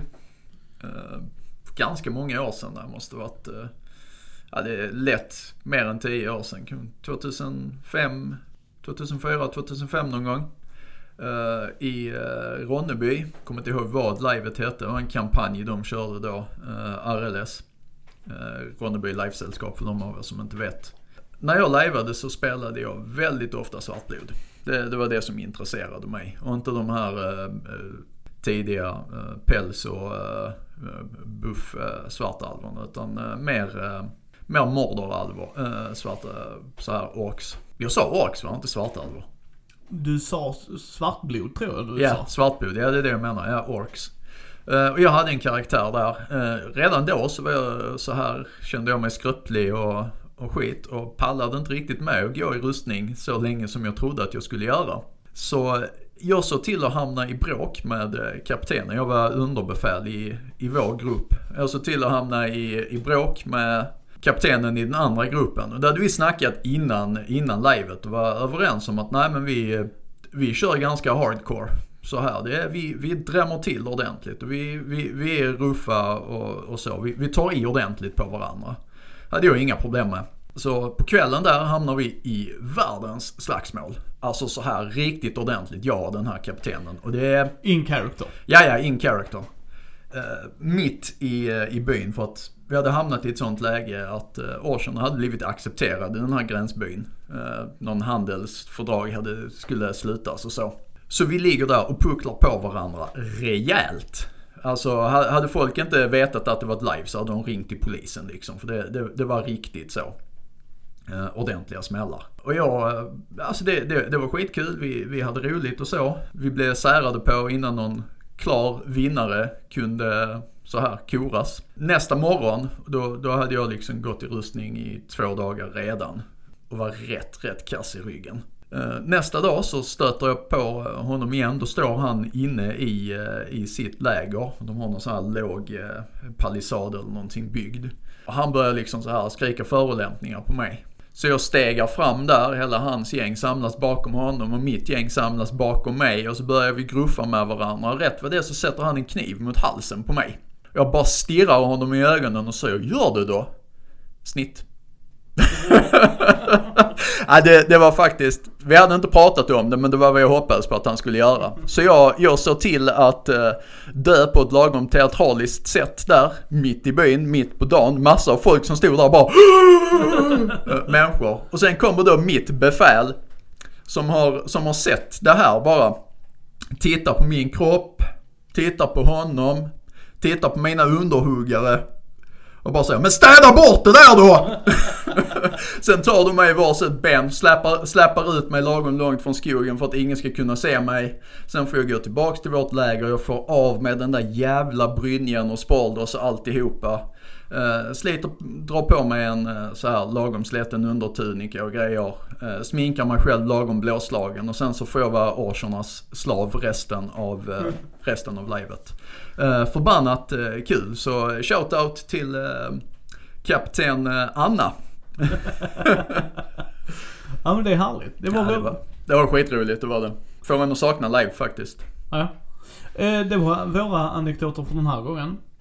Eh, Ni hittar ju oss på Mindys bräd och rollspelspodd på Facebook. Eh, på princip eh, alla sådana här podcastkanaler, Spotify, eh, Ja. iTunes. Och YouTube hittar ni där vi förutom lägger upp avsnitten så ni kan lyssna där om ni vill. Så kommer vi komma ut med mer videos. Mm. Ni hittar oss även på Twitter och Instagram. Yes. Eh, tveka aldrig att ställa frågor till oss. Tipsa oss om eh, idéer och tankar. Det är ni så varmt välkomna till. Och så hörs vi nästa måndag.